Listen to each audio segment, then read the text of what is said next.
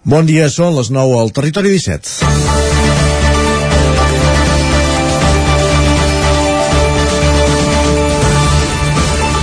La, la carretera ha estroncat aquest cap de setmana dues vides joves a les comarques del territori 17. Dissabte al matí un vehicle amb quatre joves sortia de la via i s'estimava contra un arbre a la carretera de Vall d'Oriol, a Vilanova del Vallès. Hores més tard el conductor del vehicle, un jove de les franqueses de 21 anys, moria a l'hospital. El mateix dissabte al vespre, una furgoneta embestia un turisme a l'eix del Lluçanès, en terme d'Olost, i moria la conductora del cotxe, una noia de 28 anys de la Guixa. Segons els Mossos d'Esquadra, el conductor de la furgoneta va donar positiu en la prova de l'alcoholèmia. Aquest accident ha fet reaccionar els alcaldes de Lluçanès, que, com recull avui el 9-9, ja han fet arribar tocs d'alerta a la Generalitat en més d'una ocasió pel perill d'aquesta carretera, limitada a 90 km per hora, però que es presta a circular a més velocitat. Alerten sobretot dels excessos i dels perills provocats pels senglars. De fet, el vicepresident Puigneró va anunciar en la seva visita a les festes de Sant Vicenç de Prats que la via es completaria amb la variant de Sagàs. Les inversions són necessàries, però també ho és la prudència a la carretera, i cal repetir-ho ara que acabem de veure volar dues vides més. Dues vides joves i dues famílies més colpides per, de per vida a les que enviem un missatge d'ànim i solidaritat en aquests moments tan difícils. Dilluns, 21 de febrer de 2022, comença el Territori 17 a la sintonia de Ràdio Cardedeu, Ona Codinenca, la veu de Sant Joan, Ràdio Vic, el 9 FM i el 9 TV. Territori 17, amb Isaac Moreno i Jordi Sunyer.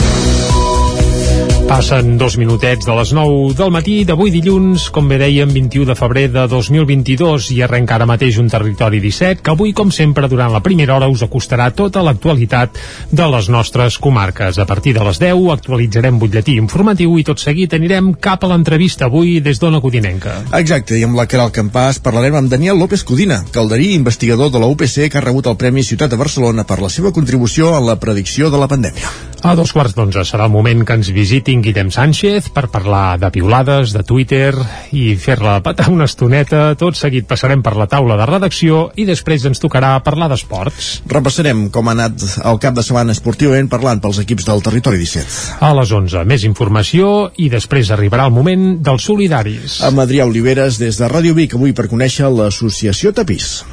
I després de conèixer què fan i qui són l'associació Tapís, arribarà el moment de pujar a la R3, com cada dia, cap a dos quarts de dotze, a la Trenc d'Alba, i avui, com que és dilluns, acabarem fent tertúlia esportiva. Com cada setmana amb Guillem Freixa, amb Isaac Muntades, amb Lluís de Planell, i parlant d'un cap de setmana on el Barça de bàsquet ha guanyat la Copa del Rei, on el Barça de futbol masculí ha guanyat 1 a 4 al Sevilla, el Madrid 3 a 0 a l'Alavés i l'Espanyol... El València, el València va guanyar.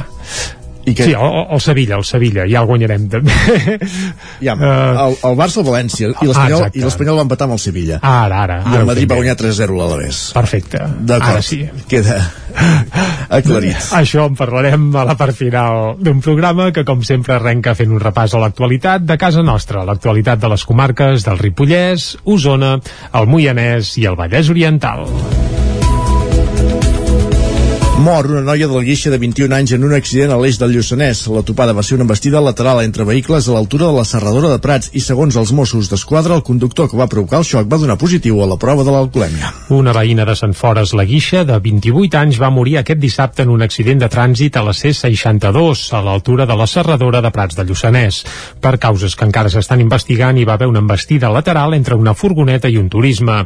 Com a conseqüència del xoc, la conductora del cotxe, Cristina Mora, va morir. El passatger que anava al seient del copilot, parella de Mora, i el conductor de la furgoneta van resultar ferits menys greus i se'ls va traslladar a l'Hospital Universitari de Vic. Els Mossos d'Esquadra van rebre l'avís de l'emergència quan passaven 9 minuts de les 7 del vespre.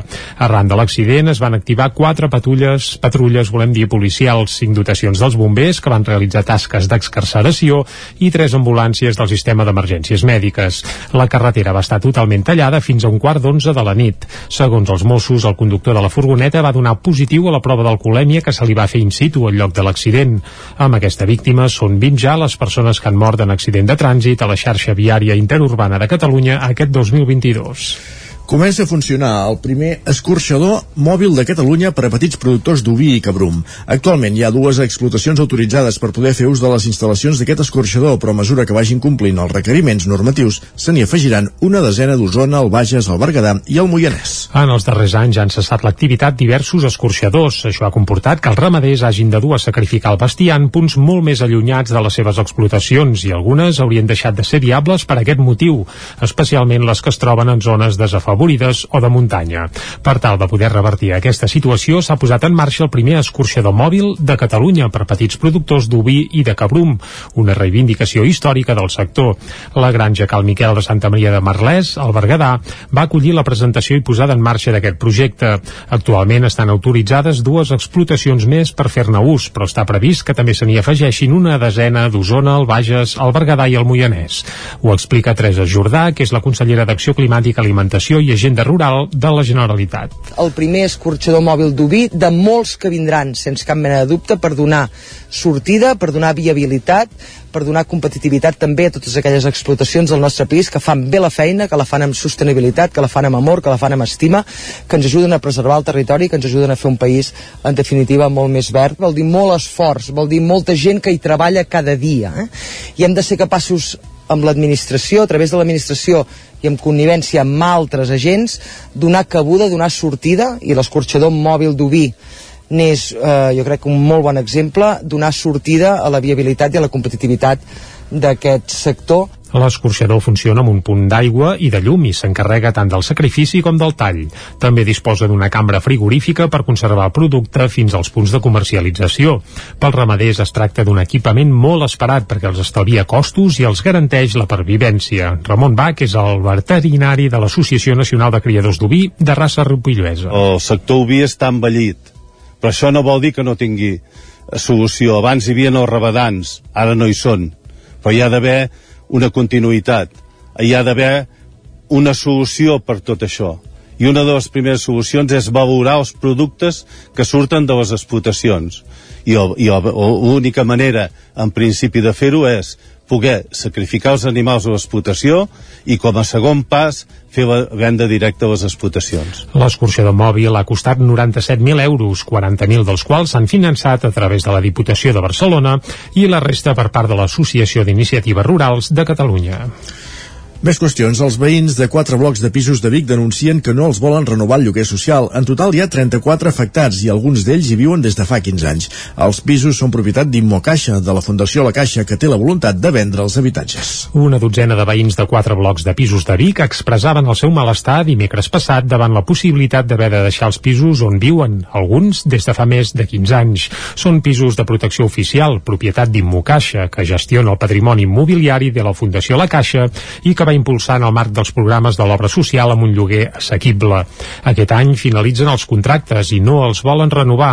Paula Tarrón és membre de la plataforma d'afectats per la hipoteca d'Osona. Trobem al carrer Òmnium Cultural de Vic, eh, hi ha 34 persones afectades eh, pel contracte d'habitatge, eh, de les quals eh, no hem rebut resposta per part de la Caixa, eh, i creiem que no, no els hi renovaran, tampoc hi haurà alternativa, llavors hem decidit ficar, um, començar a lluitar per uh, poder aconseguir el nostre, un habitatge digne i un millor accés a l'habitatge. El preu mitjà del contracte previ al 2017 era d'uns 200 euros al mes i el 2020 era d'uns 500 euros. Al principi de la pandèmia es van renovar alguns d'aquests lloguers, els preus més alts, però ara els han dit que han de marxar. I això seria de forma gradual, ja que els contractes finalitzen en diferents dates. La Doli Vico, que fa 10 anys que hi viu en aquest habitatge, és una de les afectades. És que nosaltres no volem uh, que n'hi hagin desnonaments. Nosaltres el que volem és parlar amb la Caixa i que podem quedar aquí perquè són famílies que són vulnerables i n'hi ha que, com se diuen, eh, en exclusió residencial. I clar, no podem marxar així com així. No tenim possibilitats. I nosaltres estem aquí perquè això era l'obra social de la Caixa. O sigui, era un ajut per nosaltres. I ara ens, els treuen tot i sense cap possibilitat de fer un, un acord amb ells. Des d'Immocaixa admeten que la voluntat és posar tots els pisos a la venda, però que estan treballant per trobar alternatives. Davant la manca de resposta per part de la propietat, però els veïns estan en contacte amb l'oficina d'habitatge de Vic i l'Ajuntament per trobar solucions i demanar suport. Els veïns contraris al carril bici del carrer Ramon Durc de Sant Joan de les Abadesses acumulen ja 700 signatures contràries a la infraestructura i es queixen de la seguretat i la manca d'aparcaments.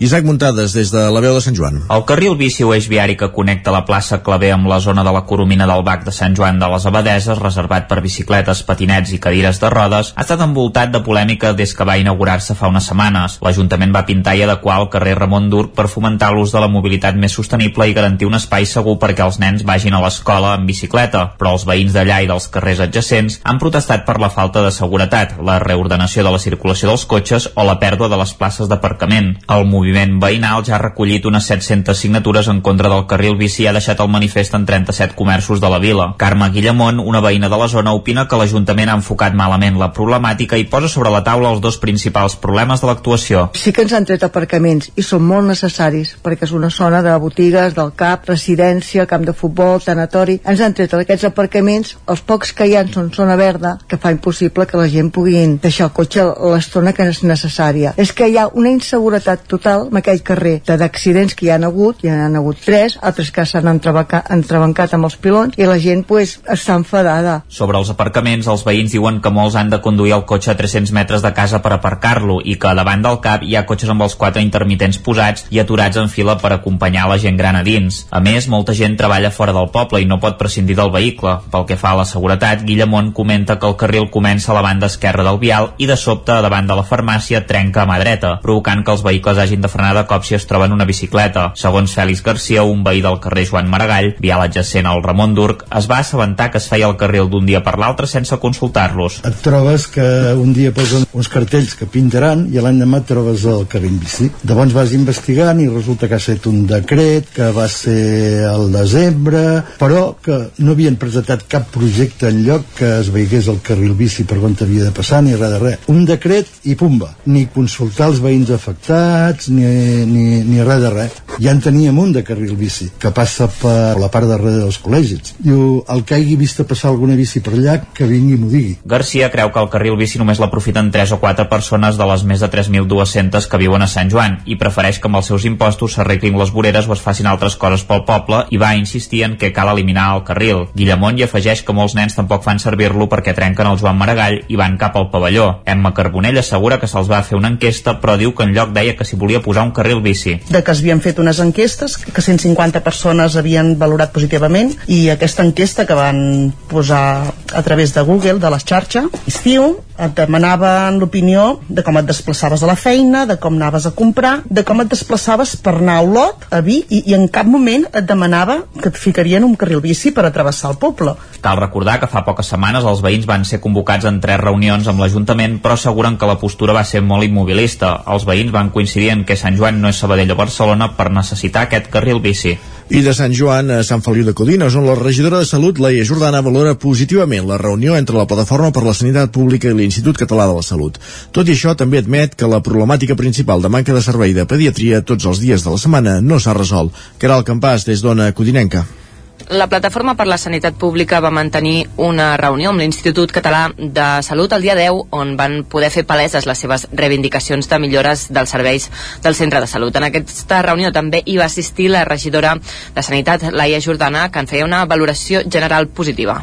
Vaig una valoració bastant positiva. Uh, era una reunió que, que es necessitava fer perquè en dues parts es poguessin posar en contacte i es poguessin intercanviar bueno, els missatges que, que feia dies que, que hi havia necessitat que poguessin parlar entre ells. Una oportunitat perquè la plataforma va poder transmetre qui són i que estan preocupats per el retard de l'obertura del CAP, eh, preocupats perquè no hi ha servei de pediatria tots els dies a la setmana, eh, perquè bueno, hi va haver el canvi de la infermera pediàtrica i no va quedar clar a veure com es, es faria eh, també van mostrar la seva preocupació sobre el servei de prepar i postpart les hores de la llevadora mm, bueno, van poder transmetre totes les necessitats i totes les preocupacions que tenen.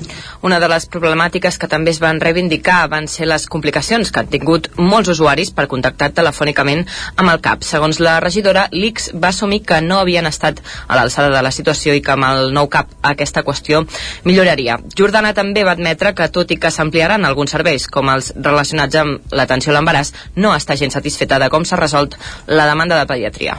Tema del pediatre, eh, que sí que hem de dir, almenys jo mateixa estic molt decepcionada perquè, i així els he transmès a, tant a l'ABS de Caldes com a l'Institut Català de la Salut, que es van comprometre al, a l'octubre i al novembre en les diverses reunions que vam mantenir amb ells de que tindríem un mínim de pediatre, que intentarien fer el que fos perquè amb el conveni que hi ha en Granollers tinguéssim un mínim i això no s'ha complert hem, hem estat tot anades sense, sense servei de pediatria. I això en un municipi com Sant Feliu amb tants nens no, no pot ser. No pot ser que, que les famílies quan tinguin la necessitat de, de fer una revisió eh, hagin de, de marxar directament a l'hospital si és una urgència o hagin de marxar a un altre municipi perquè aquí no, no hem sigut capaços de tenir, de tenir el servei cobert. El nou centre de salut, que s'inaugurarà aquest març, comptarà amb més espais com una aula d'educació sanitària i espais d'atenció a l'embaràs.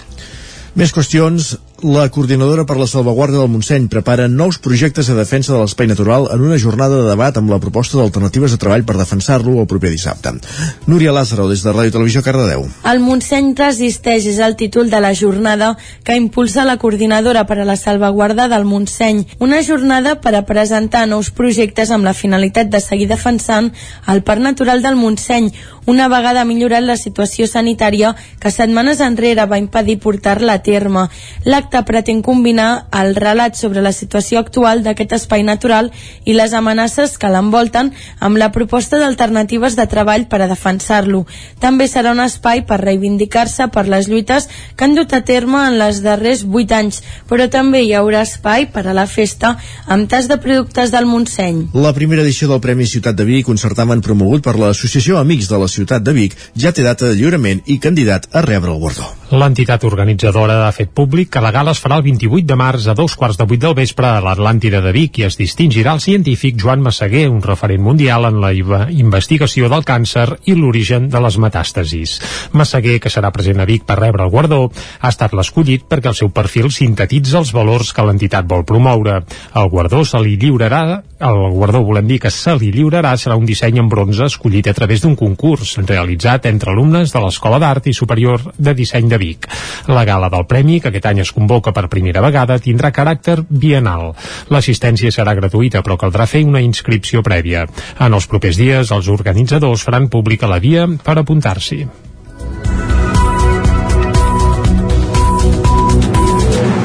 I arribats a aquest punt, després de repassar la informació, aquest repàs informatiu que començàvem a les 9 del matí en companyia de Jordi Sunyer, Isaac Muntades, Núria Lázaro i Caral Campàs, el que fem ara és conèixer la previsió meteorològica. Saludem tot seguit en Pep Acosta.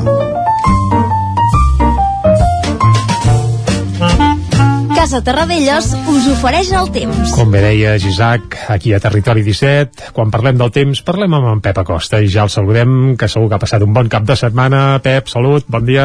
Molt bon dia. I molt bona hora. Setmana, per fi som dilluns. I tant. Última setmana sencera del mes de febrer ja Va ploure dissabte, eh? d'aquest Una mica, una mica.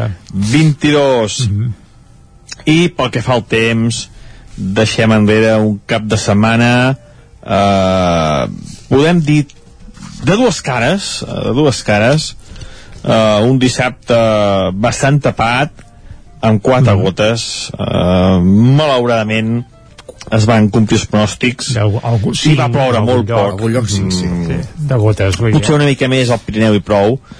Més de 5 litres cap al Pirineu. Però a la majoria de les poblacions entre 0 i 5 eh, i, i ser molt generós. Jo crec que entre 0 2, 3 litres molt poca cosa Mm -hmm. uh, uh, la situació de sequera no ha millorat ni molt menys i, i és que és, és bastant uh, ja som molt pesat però és que és el que hi ha eh? no, no, bé, no, bé. no hi ha esperances no, de moment la situació és molt complicada uh, també dissabte mm, dia de vent va bufar vent bastant fort a les zones més altes del Pirineu eh, les zones pròximes del Pirineu també va bufar fort eh, però vaja mm, va ser un dissabte així eh, amb aquest front aquest minifront que ens va afectar una mica però molt, molt, molt poca cosa. Eh, i el temps eh, va canviar eh, molt ahir, ahir diumenge ja va ser un dia molt més tranquil eh, molts pocs núvols molt poca cosa i les temperatures ja van pujar. Eh, dissabte la majoria a les màximes no van passar dels 12 o 13 graus. Ahir hi ha algun valor eh, entre 17, 18, 19 graus. Per tant eh, un increment de temperatura bastant important. I avui continuarà la tònica del dia d'ahir. L'anticicló es reafirma, es torna a reafirmar eh, es manté molt important a sobre nostra, molt ferm eh, molt intens i molt extens i la temperatura màxima encara pujarà més que ahir jo crec que algun valor ja superarà els 20, grau, 20 graus avui a més venint d'una nit poc freda, només alguna glaçada molt puntual a les zones de més alta muntanya en alguna a els llocs més freds de, de, de Moianès, d'Osona alguna glaçada puntual però molt poca cosa, eh? ja venim de valors no molt baixos de nit. Per tant, de dia encara pujaran més. El sol serà el gran protagonista gairebé cap núvol i molt poques, molt poques eh, oscil·lacions meteorològiques, molts pocs canvis. I això és tot. Eh, disfrutar el dia d'avui i, i anticicló anticicló, anticicló, anticicló que sembla que serà el protagonista de tota la setmana. Mm, tindrem pocs canvis, malauradament, també aquesta setmana. Adeu. Apa, fins després. Exacte, pocs canvis. Doncs vinga, amb pocs canvis anem cap al quiosc. som -hi. Casa Tarradellas us ha ofert aquest espai. Doncs vinga, anem a veure la guerra fictícia del PP com queda recollida a les portades dels diaris perquè deu ser el tema dominant a les portades generals, però no les d'Osona i el Ripollès ni el Vallès Oriental del 9-9, oi Jordi? Correcte, correcte. Començarem sense parlar del PP, més que res perquè Osona i el Ripollès és inexistent, eh, els consistoris i el Vallès pràcticament residual, i no apareix en lloc, eh? Aquesta guerra Casado-Ayuso. Comencem per l'edició del 9-9 d'Osona i el Ripollès, que titula Consternació per la mort en accident d'una noia de la guixa de 28 anys. El conductor de la furgoneta implicada en el xoc a l'eix del Lluçanès va donar positiu d'alcoholèmia i els alcaldes del Lluçanès alerten del perill d'aquesta via, el conegut com a eix del Lluçanès. També Ribes de Freser obre els carnavals que resisteixen aquest cap de setmana ja hi ha hagut els primers carnavals al territori 17 i bé, i arreu del món, eh? I també preocupació pel creixement continu de plantacions de marihuana. Anem cap al Vallès Oriental, titular principal, un jove de les franqueses mor en estavellar-se contra un arbre a la carretera de Vall d'Oriolf, de Vall d'Oriolf. Al cotxe hi anaven dos nois i una noia més d'entre 17 i 21 anys que també van resultar ferits, un d'ells en estat crític. També la fotografia de portada del 9-9 del Vallès Oriental és per Tagamanent, que no sé si has passat mai per la C-17 tornant a Barcelona, que hi ha una benzinera i hi havia un hostal, l'hotel que està fet caldo. Home, sí. Doncs Tagamanent expropia el restaurant abandonat a tocar de la C-17. Es veu que l'Ajuntament ha pagat 129.000 euros al BBVA per l'edifici d'uns 3.000 metres quadrats. Veurem què se'n fa, però de moment l'edifici eh, ja és propietat de l'Ajuntament de Tagamanent.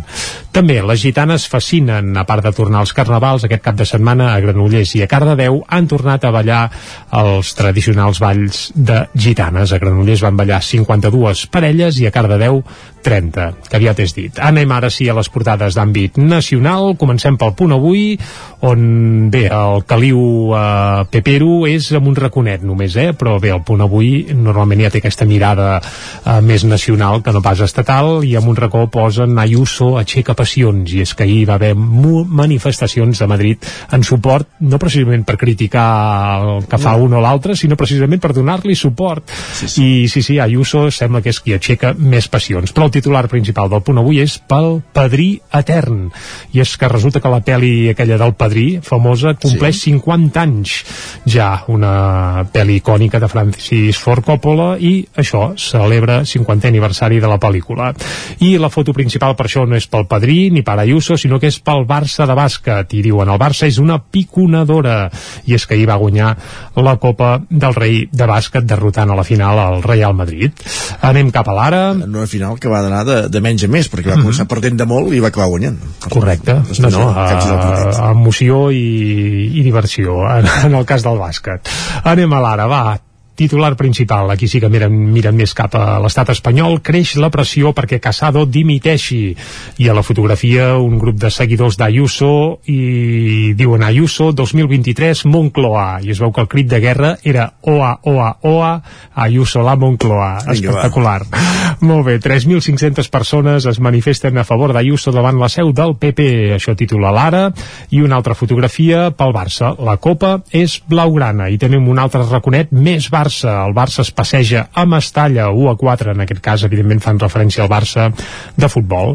Anem cap a l'avantguàrdia, clama el PP per renovar el lideratge del partit en un congrés. Dirigents territorials veuen amortitzat Casado i empenyen Feijo a assumir la direcció o almenys governar per un període de transició. Això apunten a la portada de l'avantguàrdia. També apareix el Barça de bàsquet, que diu guanya la Copa del Rei contra el Real Madrid. I també amb un raconet el Barça es destapa i escombra sobre el València a Mestalla 1 a 4.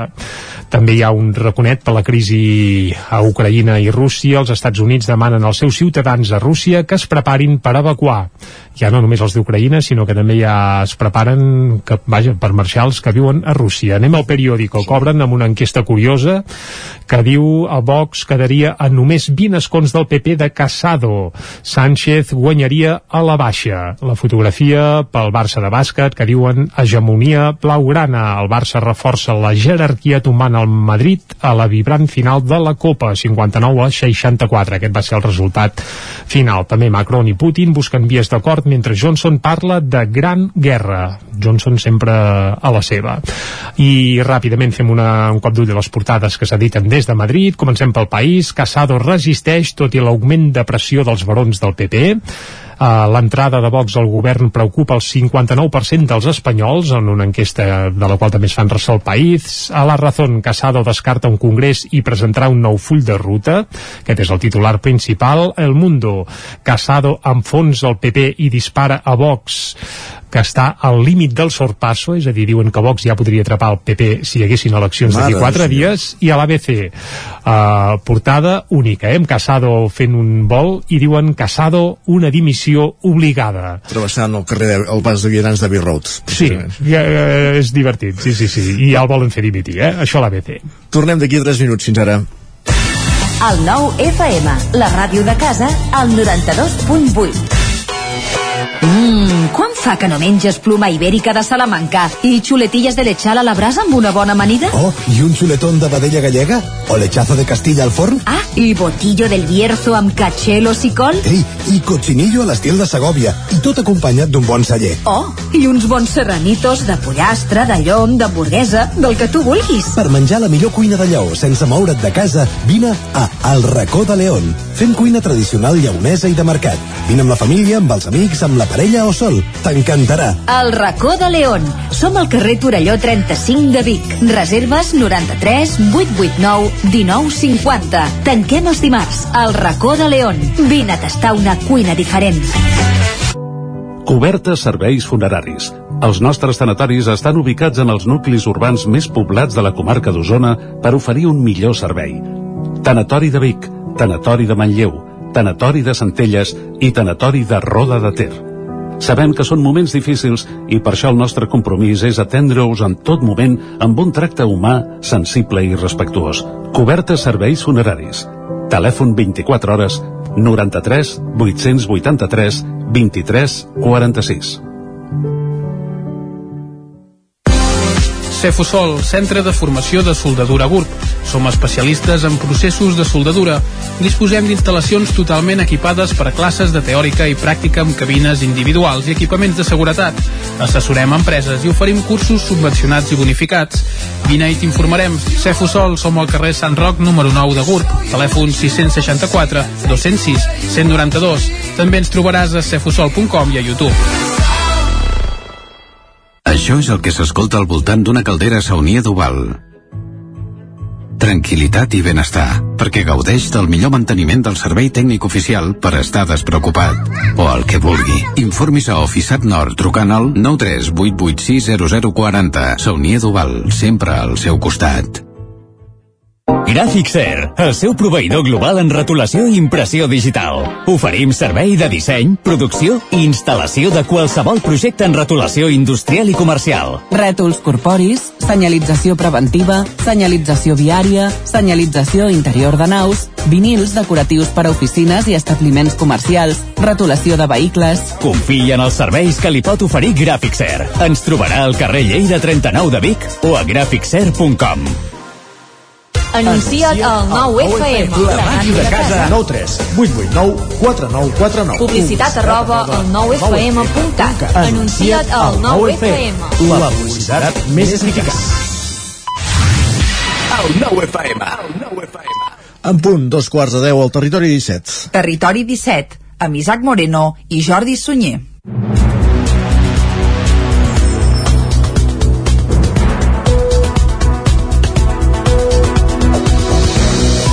I a dos quarts de deu en punt d'avui dilluns, dia 21 de febrer de 2022, el que farem de seguida és acostar-vos, com fem sempre, de nou tota l'actualitat de casa nostra, de les nostres comarques. Però abans ja us avancem una mica el menú que tindrem fins a les 12 del migdia. Abans de les 10, com fem sempre, hi posarem música.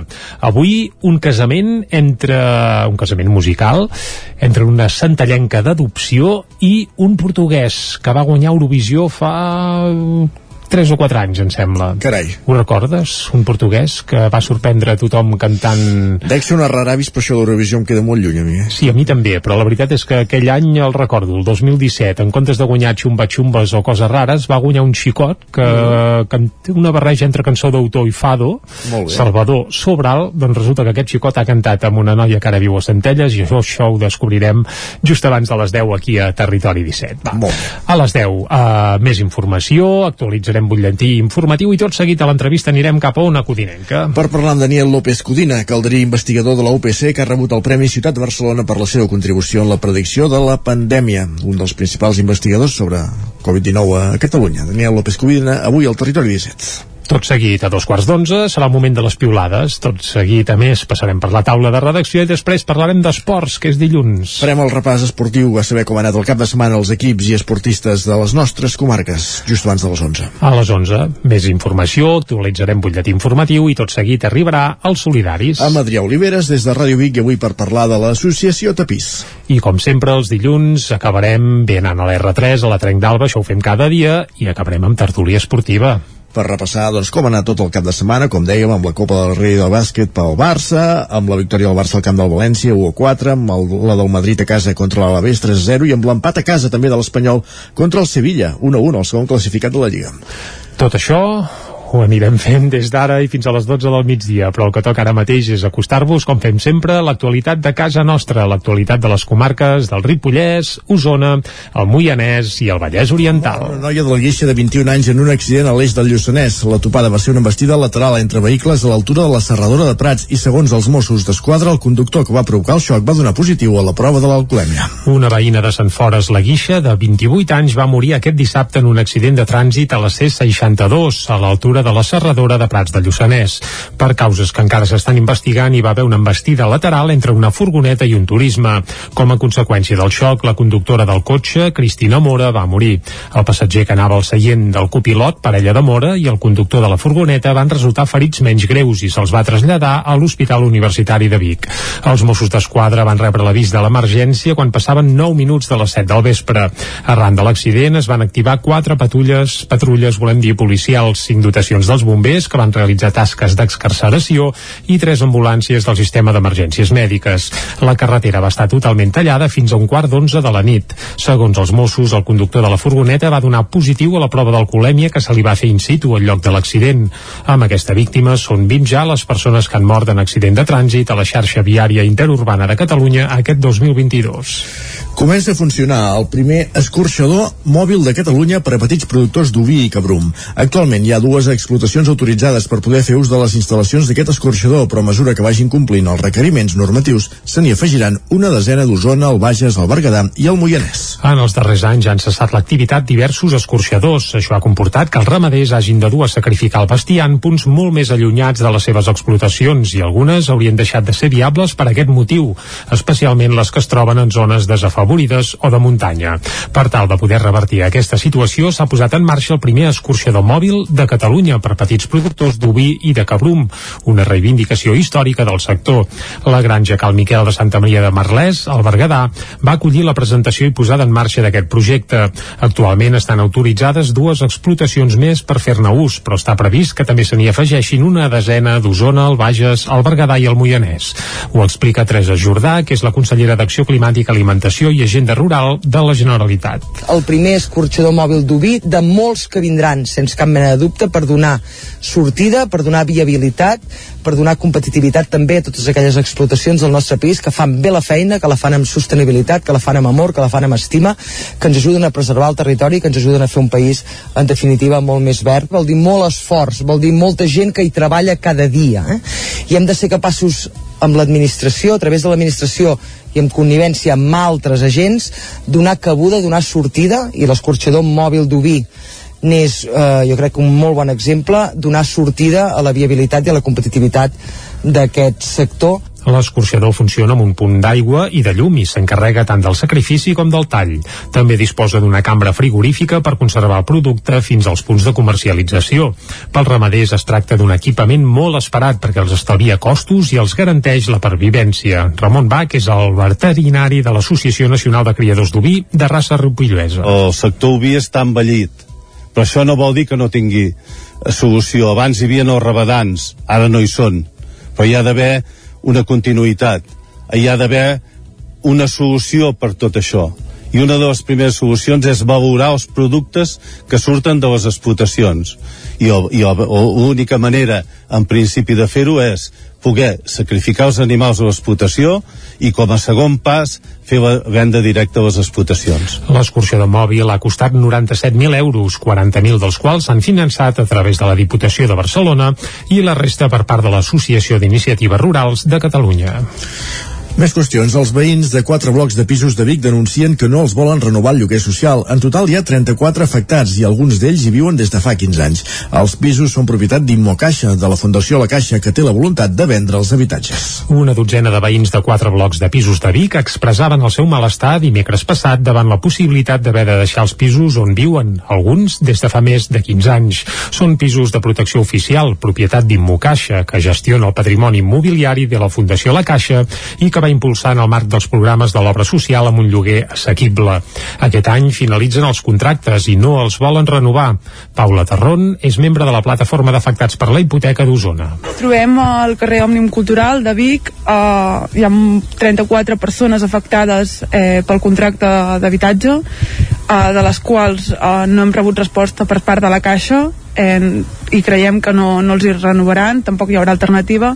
Llavors hem decidit ficar, eh, començar a lluitar per eh, poder aconseguir el nostre, un habitatge digne i un millor accés a l'habitatge el preu mitjà del contracte previ al 2017 era d'uns 200 euros al mes i el 2020 era d'uns 500 euros. Al principi de la pandèmia es van renovar alguns d'aquests lloguers, els preus més alts, però ara els han dit que han de marxar.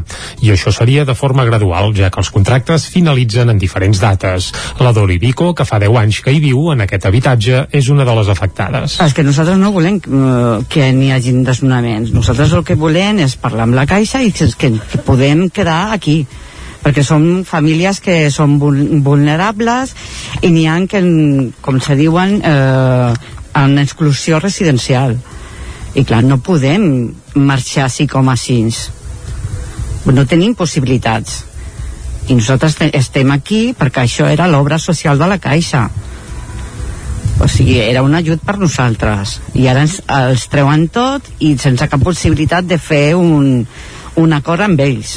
Des d'Immocaixa admeten que la voluntat és posar tots els pisos a la venda, però que estan treballant per trobar alternatives. Davant la manca de resposta per part de la propietat, però els veïns estan en contacte amb l'oficina d'habitatge de Vic i l'Ajuntament per trobar solucions i demanar suport. Els veïns contraris al carril bici del carrer Ramon Durc de Sant Joan de les Abadesses acumulen ja 700 signatures contràries a la infraestructura i es queixen de la seguretat i la manca d'aparcaments.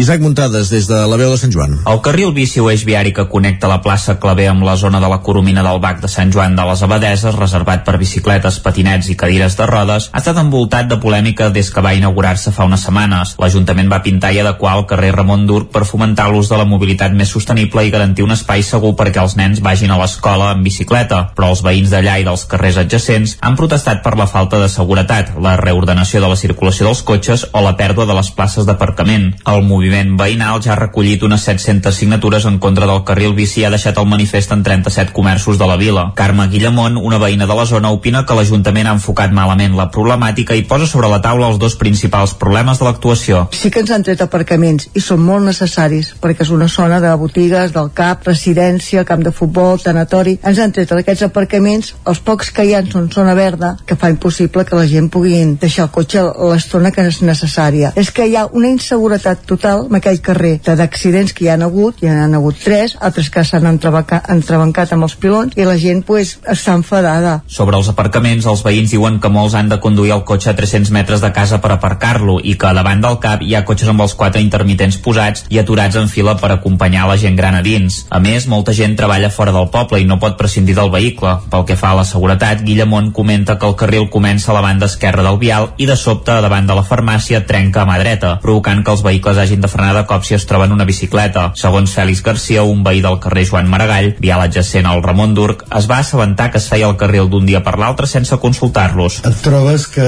un dia posen uns cartells que pintaran i l'endemà et trobes el carril bici. Llavors vas investigant i resulta que ha estat un decret que va ser al desembre, però que no havien presentat cap projecte en lloc que es veigués el carril bici per on havia de passar ni res de res. Un decret i pumba. Ni consultar els veïns afectats ni, ni, ni res de res. Ja en teníem un de carril bici que passa per la part darrere dels col·legis. Diu, el que hagi vist passar alguna bici per allà, que vingui i m'ho digui. Garcia creu que el carril bici només l'aprofiten 3 o 4 persones de les més de 3.200 que viuen a Sant Joan i prefereix que amb els seus impostos s'arreglin les voreres o es facin altres coses pel poble i va insistir en que cal eliminar el carril. Guillemont hi afegeix que molts nens tampoc fan servir-lo perquè trenquen el Joan Maragall i van cap al pavelló. Emma Carbonell assegura que se'ls va fer una enquesta però diu que en lloc deia que s'hi volia posar un carril bici. De que es havien fet unes enquestes, que 150 persones havien valorat positivament i aquesta enquesta que van posar a través de Google, de les xarxes, estiu, et demanaven l'opinió de com et desplaçaves a la feina, de com anaves a comprar, de com et desplaçaves per anar a Olot, a Vic, i, i en cap moment et demanava que et ficarien un carril bici per atravessar el poble.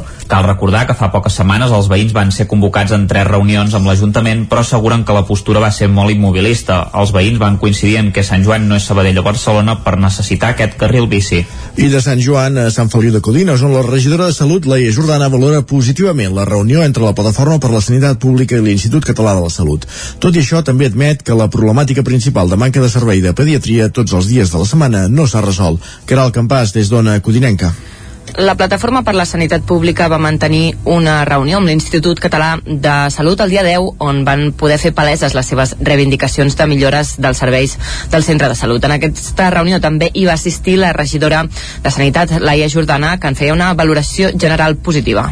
Fer una valoració bastant positiva. Uh, era una reunió que, que es necessitava fer perquè en dues parts es poguessin posar en contacte i es poguessin intercanviar bueno, els missatges que, que feia dies que, que hi havia la necessitat que poguessin parlar entre ells. Una oportunitat perquè la plataforma va poder transmetre què són i que estan preocupats per retard de l'obertura del CAP, uh, preocupats perquè no hi ha servei de pediatria tots els dies a la setmana eh, perquè bueno, hi va haver el canvi de l'infermera pediàtrica i no va quedar clar a veure com es, es faria.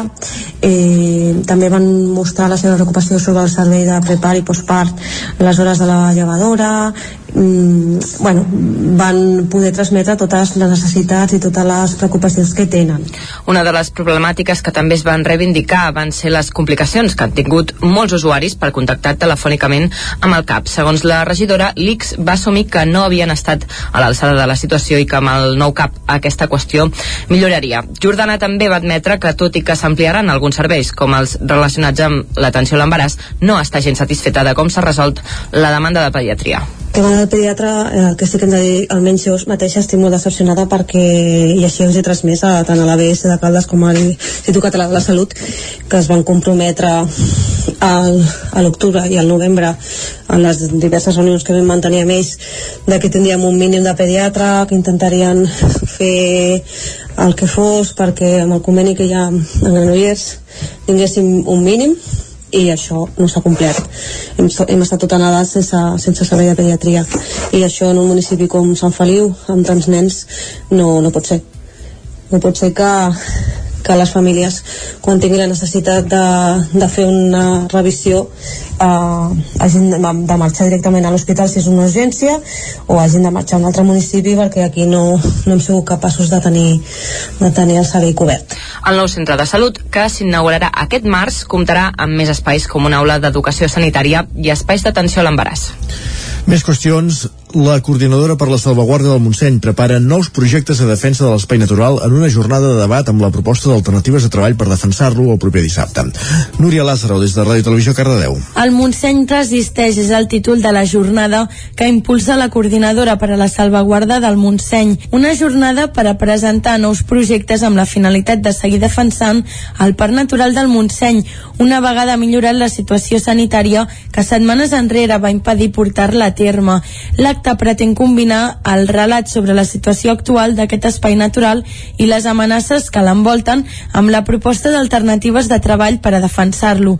També serà un espai per reivindicar-se per les lluites que han dut a terme en les darrers 8 anys, però també hi haurà espai per a la festa amb tas de productes del Montseny. La primera edició del Premi Ciutat de Vic, un certamen promogut per l'Associació Amics de la Ciutat de Vic, ja té data de lliurament i candidat a rebre el guardó. L'entitat organitzadora ha fet públic que la gala es farà el 28 de març a dos quarts de vuit del vespre a l'Atlàntida de Vic i es distingirà el científic Joan Massaguer, un referent mundial en la investigació del càncer i l'origen de les metàstasis. Massaguer, que serà present a Vic per rebre el guardó, ha estat l'escollit perquè el seu perfil sintetitza els valors que l'entitat vol promoure. El guardó se li lliurarà, el guardó volem dir que se li lliurarà serà un disseny en bronze escollit a través d'un concurs realitzat entre alumnes de l'Escola d'Art i Superior de Disseny de Vic. La gala del Premi, que aquest any es convoca per primera vegada, tindrà caràcter bienal. L'assistència serà gratuïta, però caldrà fer una inscripció prèvia. En els propers dies, els organitzadors faran pública la via per apuntar-s'hi.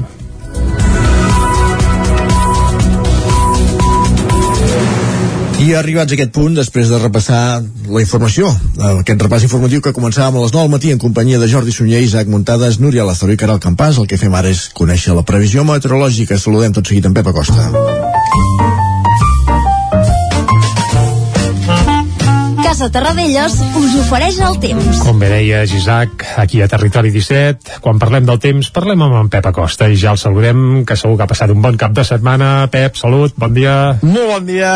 I molt bona hora. Setmana, per fi som dilluns. I tant. Última setmana sencera del mes de febrer ja. Eh? D'aquest Una mica, una mica. 2022. Mm -hmm. I pel que fa al temps, deixem enrere un cap de setmana eh, podem dir de dues cares eh, de dues cares. Eh, un dissabte bastant tapat amb quatre mm. gotes. Eh, malauradament es van complir els pronòstics. Algú, algú, sí, va ploure molt lloc, poc. lloc sí, sí, Mm. sí. de gotes vull potser una mica més al Pirineu i prou. Més de 5 litres cap al Pirineu. Però a la majoria de les poblacions entre 0 i 5 eh, i ser molt generós. Jo crec que entre 0 2, 3 litres molt poca cosa mm -hmm.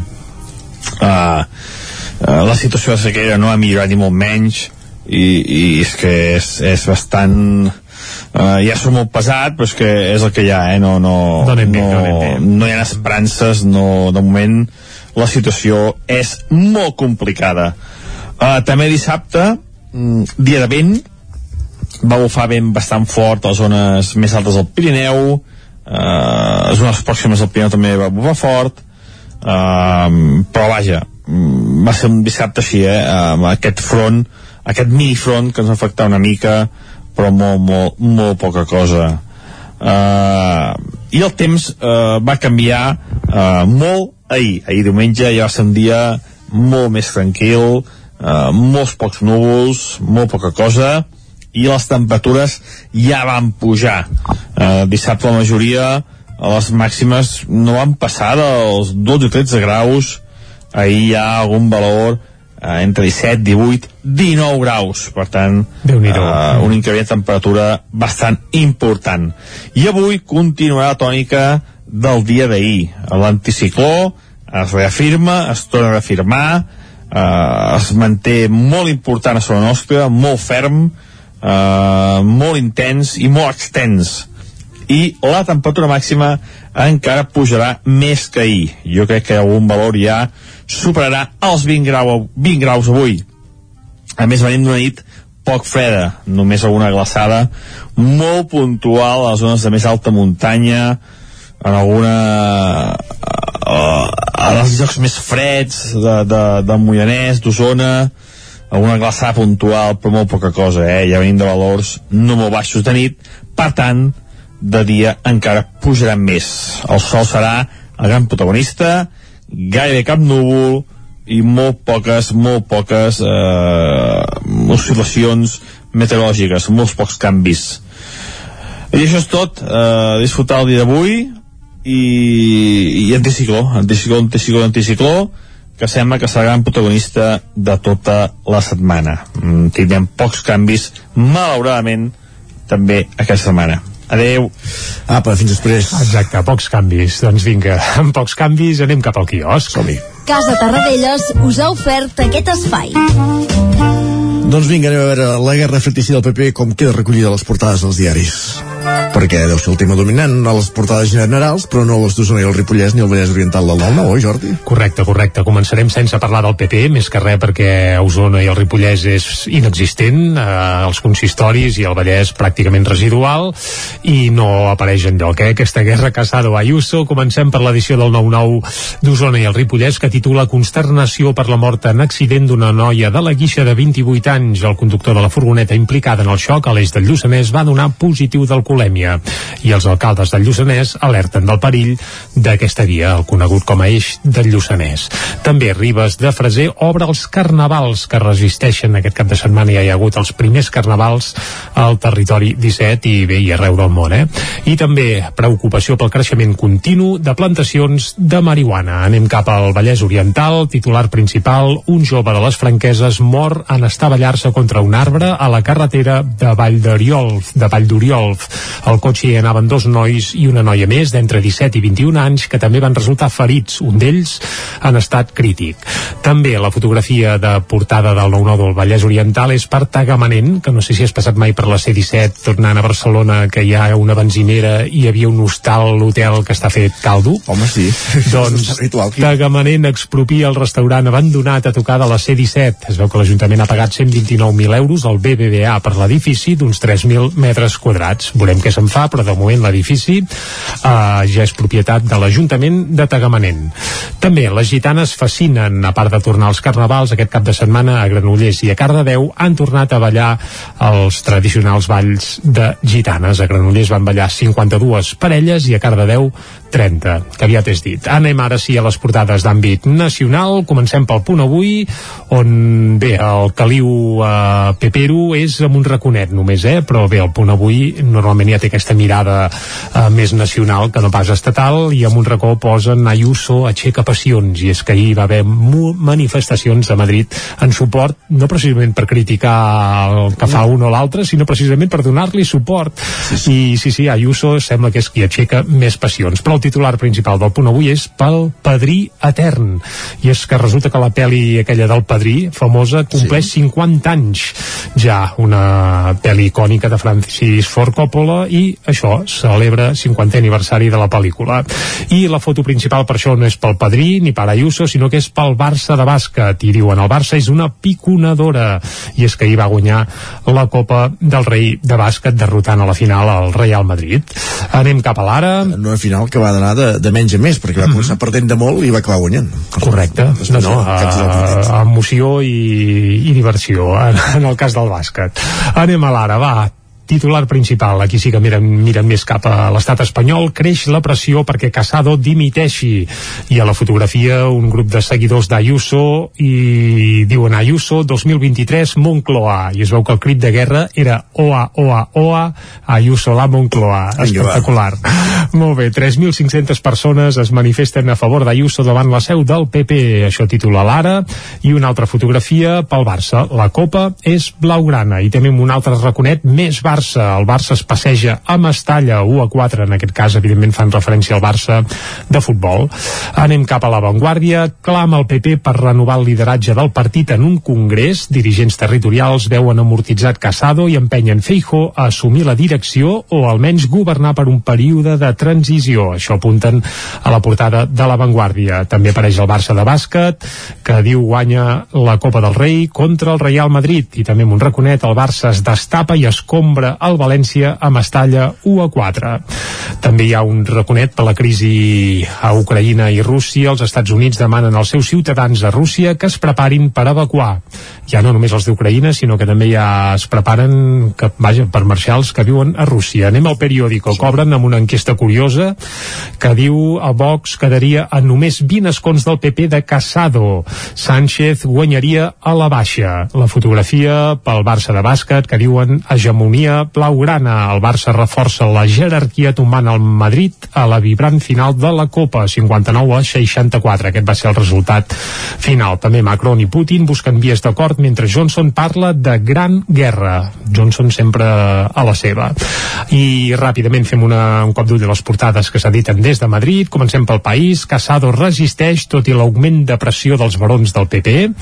Uh, L'entrada de Vox al govern preocupa el 59% dels espanyols en una enquesta de la qual també es fan ressò el país. A la Razón, Casado descarta un congrés i presentarà un nou full de ruta.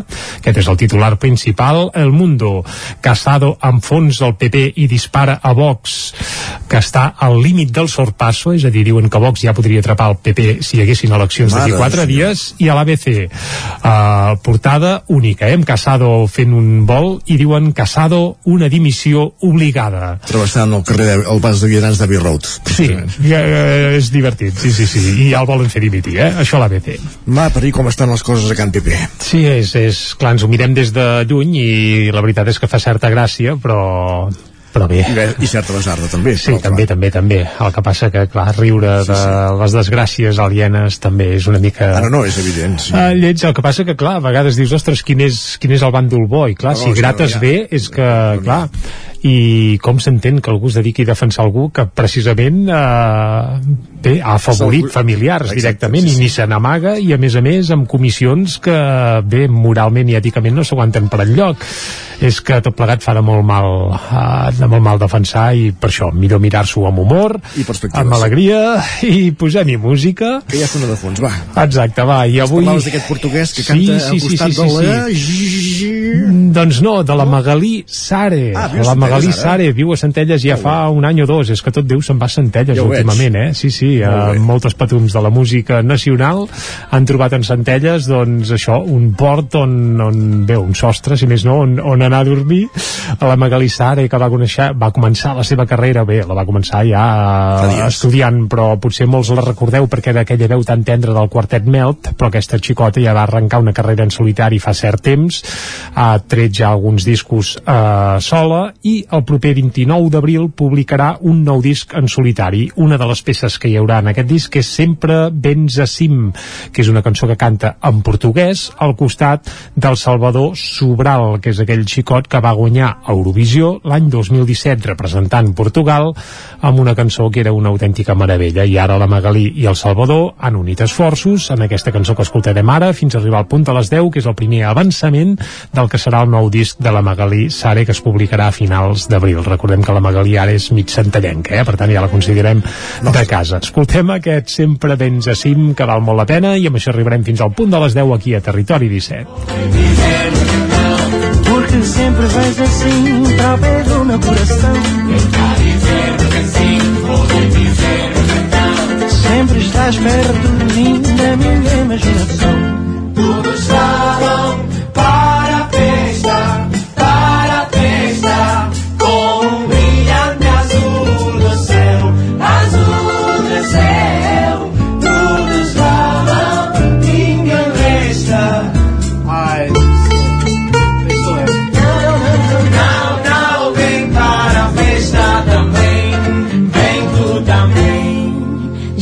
sei se estou sonhando, Já não sei se estou sonhando, nem de que serve sonhar. nem de que serve sonhar.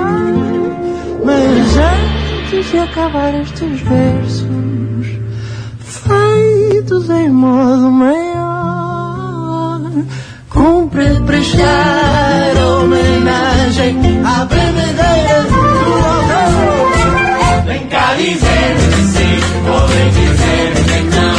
Porque sempre diz assim para o pé do meu coração. Vem cá dizer que sim, ou vem dizer que não. Sempre estás perto de mim, da minha imaginação. Vem cá dizer que sim, ou vem dizer que não.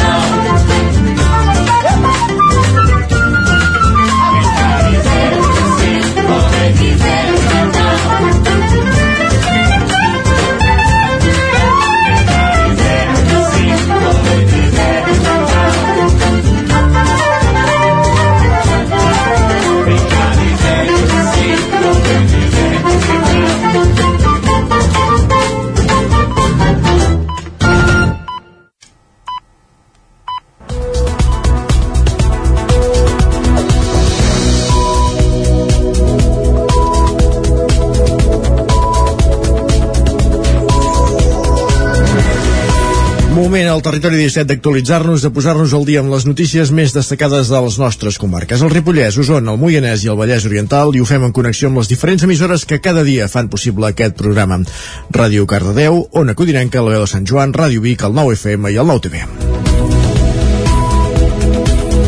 Campelles vol millorar les captacions d'aigua després d'haver imposat restriccions en el subministrament a causa de la sequera. Isaac Muntades, des de la veu de Sant Joan. El dilluns de la setmana passada, Campelles va reprendre el subministrament d'aigua potable als domicilis del municipi després que quatre dies abans es decidís restringir per culpa de la sequera. Les restriccions amb talls intermitents a la xarxa que s'intensificaven a les nits van resoldre el problema de subministrament, tal com explicava l'alcaldessa de Campelles, Judit Cornellà. els col·lectors captaven molt, molt poca aigua i llavors no se'ns omplien el ritme que necessitàvem o els dipòsits. I aleshores el que vam haver de fer és tallar el subministrament eh, per donar temps a que els dipòsits eh, s'omplissin. A veure, ha estat un, un hivern molt i molt sec. De fet, al setembre l'ACA ja avisava que estava en situació d'alerta per sequera i és que no ha plogut. Llavors, eh, clar, sí que recorden èpoques molt dures, però eren agostos, juliol, un febrer. A veure, l'any passat, per exemple, el mes de febrer nevava. El problema que teníem era, era treure la neu. I aquest any, doncs, no, no hi ha hagut precipitació i, a més a més, hem tingut les temperatures molt i molt altes. El problema de subministrament no només va afectar els particulars, sinó els pagesos amb explotacions agràries. Campelles ja havia tingut restriccions del subministrament de l'aigua en anteriors ocasions en mesos d'estiu o bé a l'hivern per problemes amb la congelació de les canonades, però la falta d'aigua en aquesta època de l'any no n'havia estat mai el motiu. Cornellà va apuntar comentar que Campella s'abasteix de fonts subterrànies i si baixa el cabal d'aquestes fonts, tot i que continua sortint aigua, n'hi ha molta menys. No s'han arribat a quedar sense, però s'havia de dosificar. Les pluges del passat cap de setmana no van servir de massa i per solucionar la manca d'aquest bé essencial van pujar una cisterna d'aigua sense tractar perquè els pagesos poguessin abeurar el bestiar. A diferència d'altres municipis, Campelles està ubicat a sobre d'un serrat i no els hi passa el riu Freser pel costat, per tant depenen exclusivament de la precipitació que alimenta els aqüífers. Els últims anys, Campelles ha rebut inversions per part de l'Agència Catalana de l'Aigua per tal de substituir les canonades de fibrociment del municipi, una millora de la xarxa d'aigua que va començar l'any 2014. Cornellà ja va avançar que caldrà treballar per dissenyar un pla per tal de millorar les captacions d'aigua.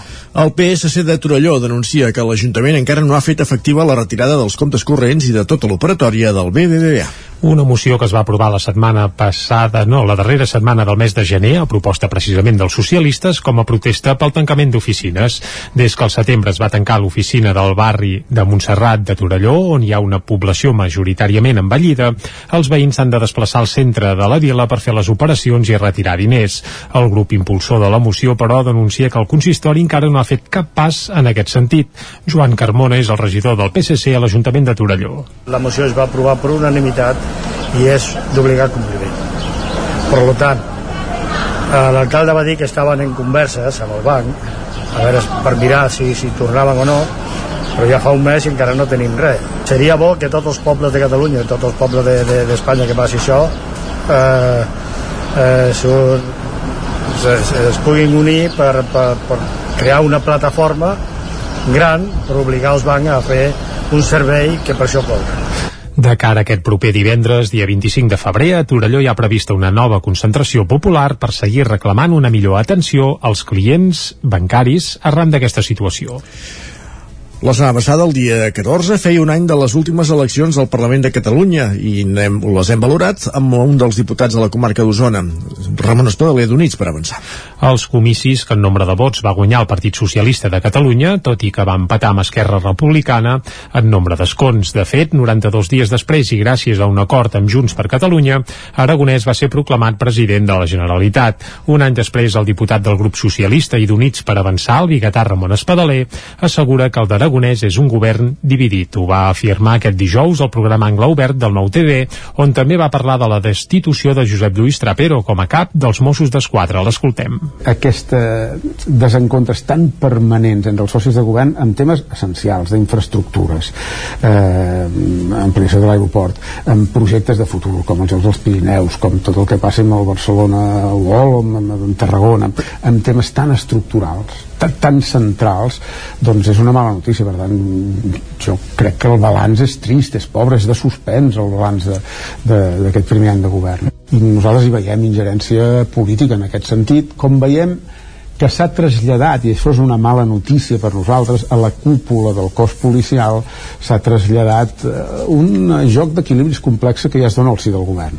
I la sensació que tenim nosaltres és que les explicacions que ens han donat deixem-ho dir col·loquialment, no colen, perquè ni feminització ni rejuveniment, sinó que hi ha un equilibri. El Trapero fa nosa amb alguns perquè no els va plaure potser eh, la declaració que va fer eh, seu del, del Suprem. Doncs mira, la perdem. A l'entrevista, Espadaler també va parlar de la sentència del Tribunal Superior de Justícia que obliga a fer el 25% de classes en castellà. Va demanar, de fet, al govern de Pere Aragonès que gestioni la manera perquè l'aplicació de la sentència no vagi en detriment del català com a llengua vehicular a l'escola. El bus de Mollà a la Universitat Autònoma de Barcelona supera els 3.000 viatgers en el primer any de funcionament, que era el campàs des d'Ona Codinenca. L'autobús uneix el Moianès amb la Universitat Autònoma de Barcelona ha complert un any. En aquests primers 12 mesos en funcionament l'han fet servir 3.330 persones segons dades del Consell Comarcal. Toni Massot és conseller de Mobilitat pensar que, que hem tingut tots aquests mesos de pandèmia i que realment entre teletreball, presencial, eh, Covid i confinaments i malalties doncs és difícil de, de, de quantificar realment el, el número d'usuaris per això. La línia es va posar en funcionament al febrer del 2021, responent a una demanda dels estudiants moianesos canalitzada a través d'una campanya de recollida de firmes. Això va ser una petició de, dels, del jovent republicà, eh, nosaltres doncs vam afegir i la veritat és que la idea de que el jovent no tingui que marxar a buscar un pis a, a, a la vora de l'autònoma, doncs realment doncs, com a territori ens interessa molt, ens interessa que la gent es quedi a casa, que la gent faci territori, la, el jovent participa a les entitats i per tant nosaltres tot el que sigui potenciar aquests, eh, que la gent estigui aquí, doncs eh, endavant. L'autobús compta amb una vintena d'usuaris al dia i fa parada a Castellterçol, Sant Quirze de Safaja, Sant Feliu de Codines i Caldes de Montbui. Compta amb tres expedicions d'anada i tres de tornada, però s'estan estudiant alguns canvis en els horaris per adaptar-se a les necessitats dels estudiants. En paral·lel, també es va crear una altra línia que connecta amb la Universitat Autònoma de Barcelona des de la vall d'Altenes. Amb aquestes connexions són 19 les línies de bus que permeten la mobilitat en transport públic per carretera a la UAB. Gràcies. Canal Més Qüestions. Els veïns de Tona seran els encarregats d'escollir com serà la nova plaça Major.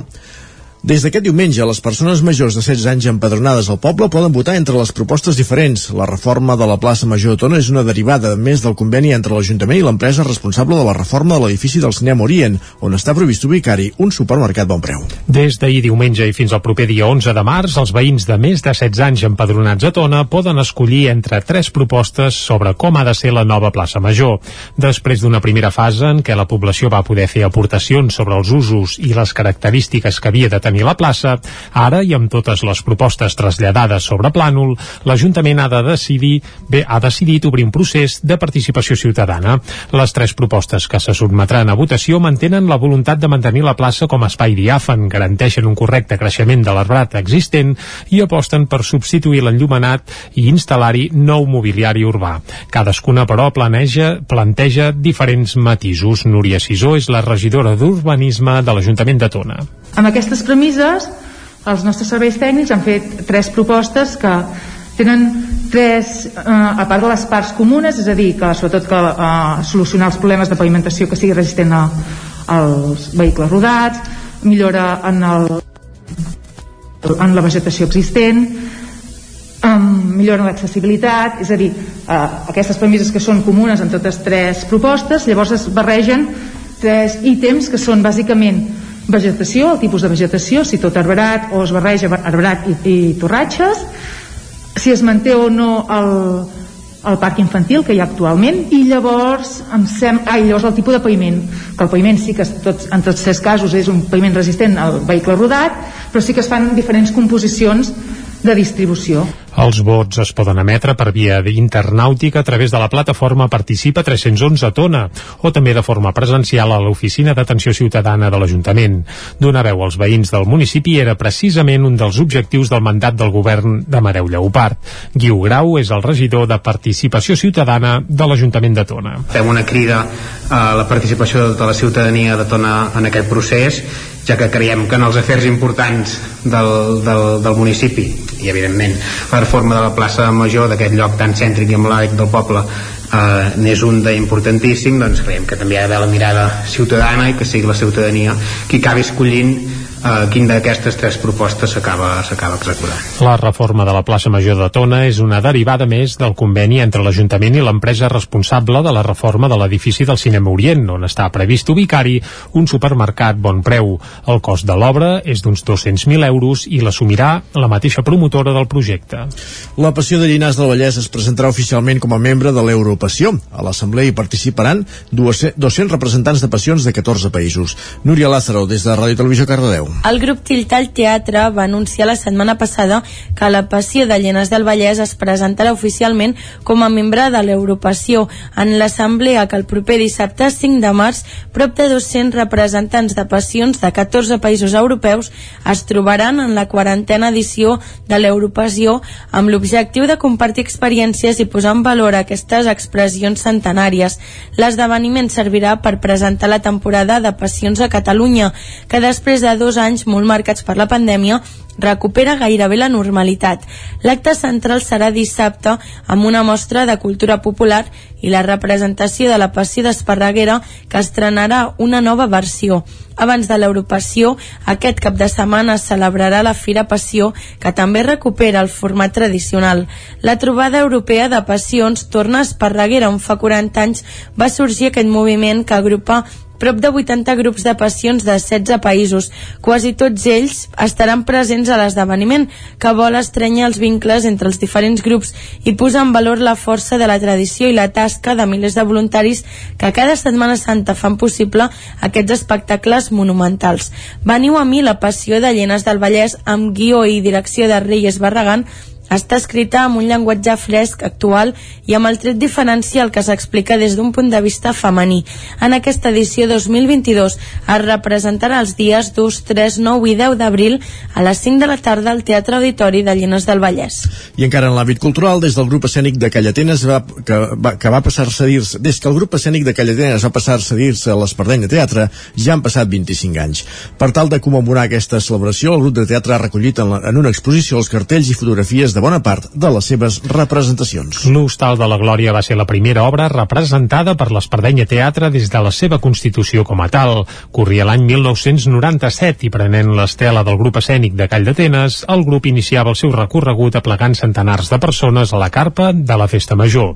Jaume Parramon és el director de l'Espardenya Teatre. El posar-nos el nom ens va una miqueta com condicionar eh, eh, intentar fer, buscar obres una miqueta més elaborades. Des d'aleshores, un bon grapat d'activitats, propostes i formació teatral expliquen que aquest 2022 el grup compleixi 25 anys en ple estat de salut, en bona salut.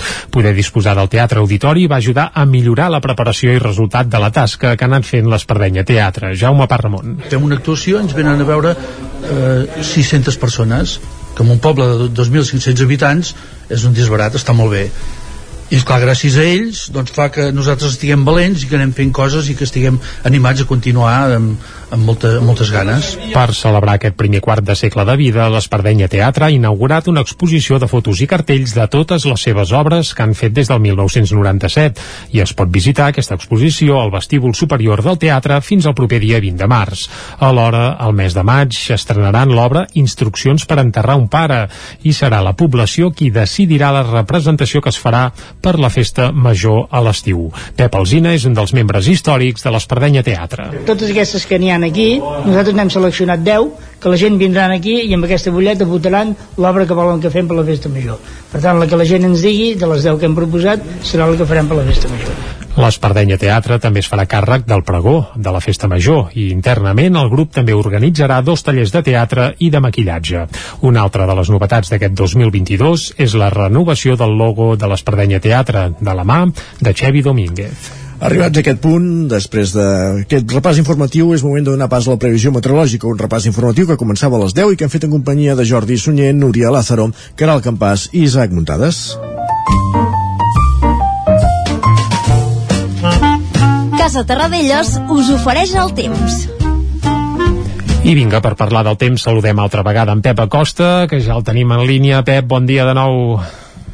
Molt bon dia. I molt bona hora. Comencem setmana, per fi som dilluns, i avui continuarà la tònica del dia d'ahir. L'anticicló es reafirma, es torna a reafirmar, eh, es manté molt important a sobre nostra, molt ferm, eh, molt intens i molt extens i la temperatura màxima encara pujarà més que ahir. Jo crec que algun valor ja superarà els 20, grau, 20 graus avui.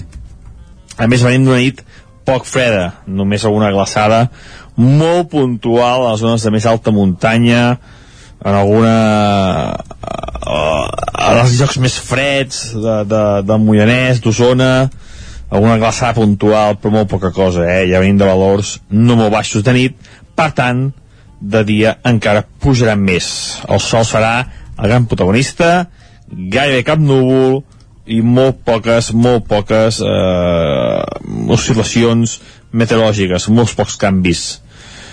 I això és tot, eh, disfrutar el dia d'avui i, i anticicló, anticicló, anticicló, anticicló, que sembla que serà el gran protagonista de tota la setmana. Mm, tindrem pocs canvis, malauradament, també aquesta setmana. Moltes gràcies, fins demà.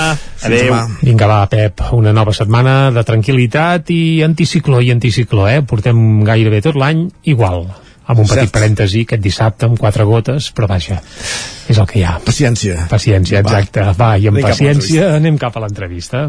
Casa Tarradellas us ha ofert aquest espai. Territori 17. Envia'ns les teves notes de veu per WhatsApp al 646 079 023. 646 079 023. WhatsApp Territori 17.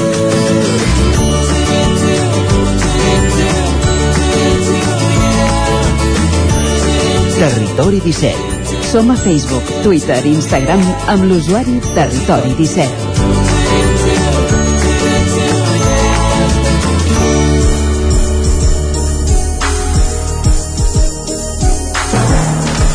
Dos minuts que passen d'un quart d'onze, el desenvolupament de la pandèmia ha anat acompanyat de diversos investigadors i grups de científics que han fet el seguiment de les dades. Un d'aquests grups és el de recerca de Biocoms de la Universitat Politècnica de Catalunya, que han estat guardonats amb el Premi Ciutat de Barcelona. Que era el campàs des d'Ona Codinenca. Bon dia, doncs sí, uh, un d'aquests investigadors d'aquest grup és el científic calderí Daniel López Codina, que juntament amb els seus companys d'equip, Enrique Álvarez, Sergio Alonso i Martí Català, han sigut mereixedors al premi per la tasca de, de divulgació i comunicació de la pandèmia. Per això avui tenim al telèfon el científic calderí Daniel López Codina. Bon dia i moltes gràcies. Bon dia. Uh, després de dos anys de treball, com, heu rebut uh, aquest Premi Ciutat de Barcelona?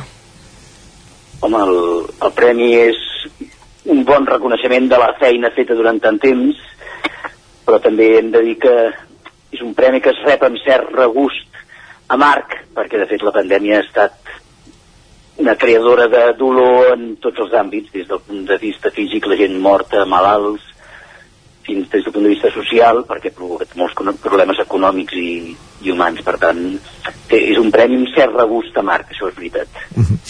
Heu fet una tasca ingent amb un gran gruix de dades a priori poc accessibles que heu fet comprensibles per tothom en el seguiment diari de l'evolució de, de la pandèmia. Com és aquest, aquest procés? Bé, cal dir que és el primer cop a la història que es pot disposar de moltíssimes dades amb molta facilitat, això és veritat.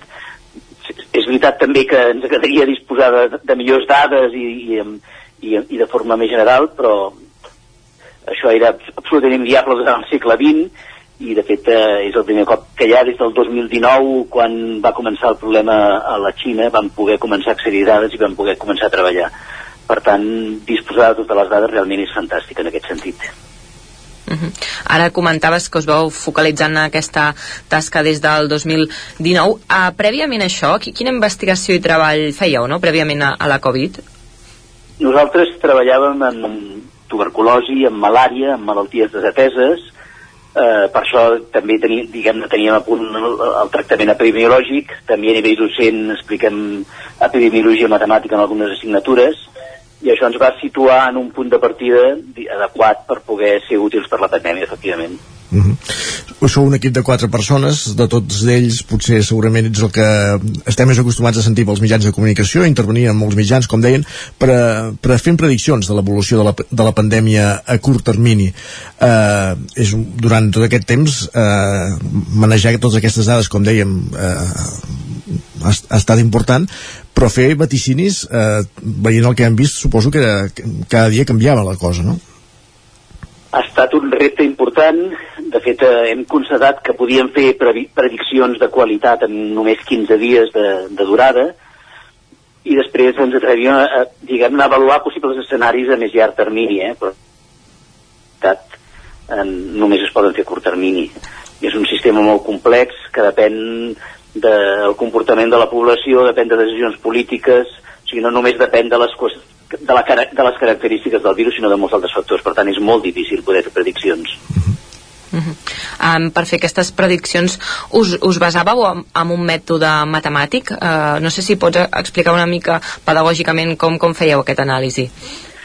Bé, un dels nostres encerts va ser triar, diguem-ne, l'estratègia matemàtica adequada en epidemiologia s'utilitzen models matemàtics que en aquests moments ja es, pot, ja es pot dir que són clàssics, que provenen de principis del segle XX, el que segur que n'heu sentit a parlar del model CIR, del model SEIR. Són models que, de fet, eh, es basen en la relació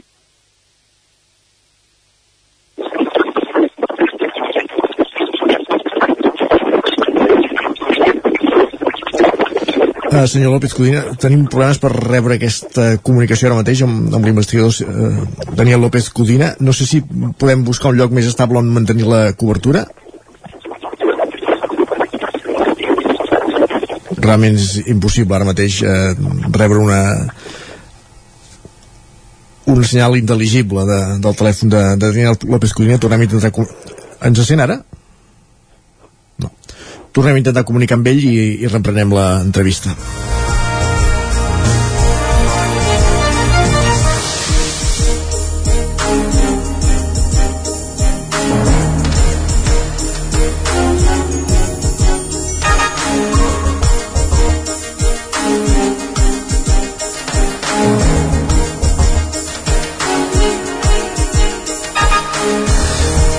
Reprenem el fil de l'entrevista que estàvem fent amb l'investigador Daniel López Codina. Ens estava parlant de, dels models matemàtics utilitzats en les prediccions per, pel seguiment de la pandèmia. Daniel? Sí, no, no, sé, no sé on us havíeu, on, on havia arribat, perquè s'ha tallat això. Us explicava que podem utilitzar models clàssics de l'epidemiologia matemàtica, com el model SEIR o el model CIR, però des del començament ja vam veure que eren models massa complexos perquè eh, el comportament depenia bàsicament de, de qüestions polítiques, de qüestions de comportament de, de la població, i vam decidir utilitzar un model molt més simple encara, el model eh, un model empíric, que vol dir que és un model que es basa simplement en les dades dels dies anteriors per preveure el que passarà els propers dies. Vam optar pel model de Gompertz i vam veure que ens funcionava molt bé. Realment seria equivalent a utilitzar mètodes d'intel·ligència artificial, però de forma molt més elemental. Uh -huh. Uh, ara que estem ja de baixada d'aquesta sisena onada, aprofitem per demanar-li quina és la situació actual i el futur immediat d'aquesta Covid-19. Hem arribat a, a superar aquest, aquesta sisena onada amb la variant Omicron, amb, amb un percentatge important de la població vacunada i notem cert relaxament entre la ciutadania, però també és evident que s'han re retirat la majoria de, de mesures de, per evitar el contagi. Realment podem ser optimistes en la situació que estem? En aquests moments és previsible que durant les properes setmanes seguim millorant, per tant, en aquest sentit cal ser optimistes, però el que és cert és que l'epidèmia no s'ha acabat, encara tenim moltes incògnites. Una primera incògnita és saber fins a quin nivell podrem arribar a baixar, i la, i la següent incògnita és eh, si hi ha un descens progressiu de la immunitat col·lectiva podem tenir una setena ona, potser a finals de l'estiu, que esperem que sigui inferior a aquesta i potser que n'hi hagi després altres fins i tot, per tant encara hem d'esperar prou temps fins que diguem-ne ens puguem oblidar de la pandèmia i realment la Covid-19 es converteixi en una malaltia semblant a les moltes altres que tenim. Mm -hmm. Um, des del grup de recerca, no sé si teniu intenció de seguir amb aquesta tasca de predicció de, de la Covid a llarg termini o us centrareu en altres qüestions? Bé, d'una banda hem de seguir treballant amb la Covid perquè la pandèmia no s'ha acabat, això està clar, per tant no, no podem ara deixar, deixar de fer la feina que, que cal fer, però d'altra banda també tenim moltes ganes de tornar a seguir treballant en els temes que, que són molt importants. Eh, la tuberculosi és la, prim, la malaltia causada per un agent infecciós que causa més morts. La Covid passarà i la tuberculosi seguirà. Per tant, cal que tornem a treballar amb tuberculosi, la malària o les malalties desateses, com la malaltia de Chagas, eh, o la leishmaniosi, són malalties que afecten a molta població i, per tant, la nostra voluntat és seguir treballant amb aquestes malalties també. Uh -huh. uh, abans de la Covid molts érem escèptics en pensar que poguéssim entrar en una pandèmia com, com hem arribat uh, és previsible que uh, és previsible, no, previsible no, però que és una, entra dins una lògica que puguem repetir una experiència com aquesta? El que no sabem és quan, però evidentment sí, segur que tornarem a veure una situació com aquesta, o pitjor, no ho sabem. Per tant, cal, cal fer un esforç per, per preparar-se i per diguem-ne, saber respondre amb més efectivitat que aquest cop, això està clar. Daniel López Codina, investigador de la UPC, moltíssimes gràcies per ser avui amb nosaltres al Territori 17 i malgrat aquestes dificultats tècniques haver pogut fer aquesta entrevista per celebrar aquest, aquest reconeixement que han rebut des del de, seu equip, diguéssim, per la tasca ingent amb les dades de, de la pandèmia. Gràcies per ser avui al Territori 17. Moltes gràcies a vosaltres. Bon dia. Adéu-siau. Caral, també, gràcies, Campàs, gràcies, Caral Campàs, per acompanyar-nos. Vaig barrejant paraules avui, eh? En aquesta entrevista a quatre mans. Parlem després. Fins ara, gràcies. Fins ara. I al Territori 17 el que fem ara tot seguit és una petita pausa de 3 minuts i tornarem amb les pilades amb en Guillem Sánchez, que ja el tenim a punt per repassar a Twitter i anirem a la taula de redacció avui en companyia d'en Víctor Palomar i també de la Caral Campàs per parlar d'una banda de l'increment de plantacions i tràfic de, de marihuana i de l'altra i altres qüestions d'actualitat d'aquí del territori 17. Com dèiem, fem una pausa de 3 minuts i tornem amb la resta de continguts d'aquest matí de dilluns 22 de 21 de febrer. El nou FM, la ràdio de casa, al 92.8. Cefusol, centre de formació de soldadura GURB. Som especialistes en processos de soldadura. Disposem d'instal·lacions totalment equipades per classes de teòrica i pràctica amb cabines individuals i equipaments de seguretat. Assessorem empreses i oferim cursos subvencionats i bonificats. Vine i t'informarem. Cefusol, som al carrer Sant Roc número 9 de GURB. Telèfon 664 206 192. També ens trobaràs a cefusol.com i a YouTube. Gràfic el seu proveïdor global en rotulació i impressió digital. Oferim servei de disseny, producció i instal·lació de qualsevol projecte en rotulació industrial i comercial. Rètols corporis, senyalització preventiva, senyalització viària, senyalització interior de naus, vinils decoratius per a oficines i establiments comercials, rotulació de vehicles... Confia en els serveis que li pot oferir Gràfic Ens trobarà al carrer Lleida 39 de Vic o a gràficser.com. A la rostisseria El Plat ens agrada la cuina de sempre, la de les àvies i de les mares, la cuina feta amb paciència com s'ha fet tota la vida. Vine a provar els nostres canelons gruixuts o els croquetons, les nostres croquetes de 80 grams i recupera el gust del pollastre com els que es menjaven abans. Ah, i aprofita fins a finals de febrer 20% de descompte en els canelons i el pollastre. Rostisseria El Plat, encàrrecs fins a les 12 del migdia i servei a domicili. Ens trobaràs de dijous a diumenge al carrer Església número 6 de Taradell o al 93 100 35 58 85. Cobertes serveis funeraris. Els nostres tanatoris estan ubicats en els nuclis urbans més poblats de la comarca d'Osona per oferir un millor servei.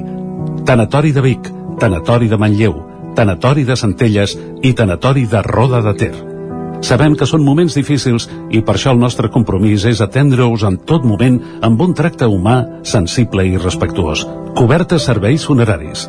Telèfon 24 hores 93 883 23 46.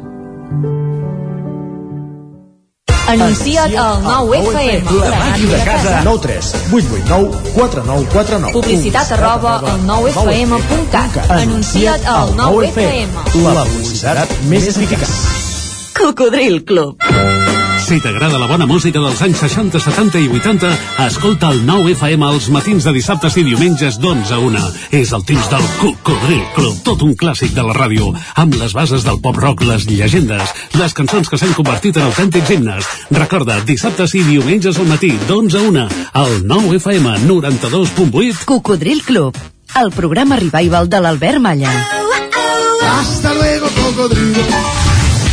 El nou FM, el nou FM, el nou FM, el nou FM.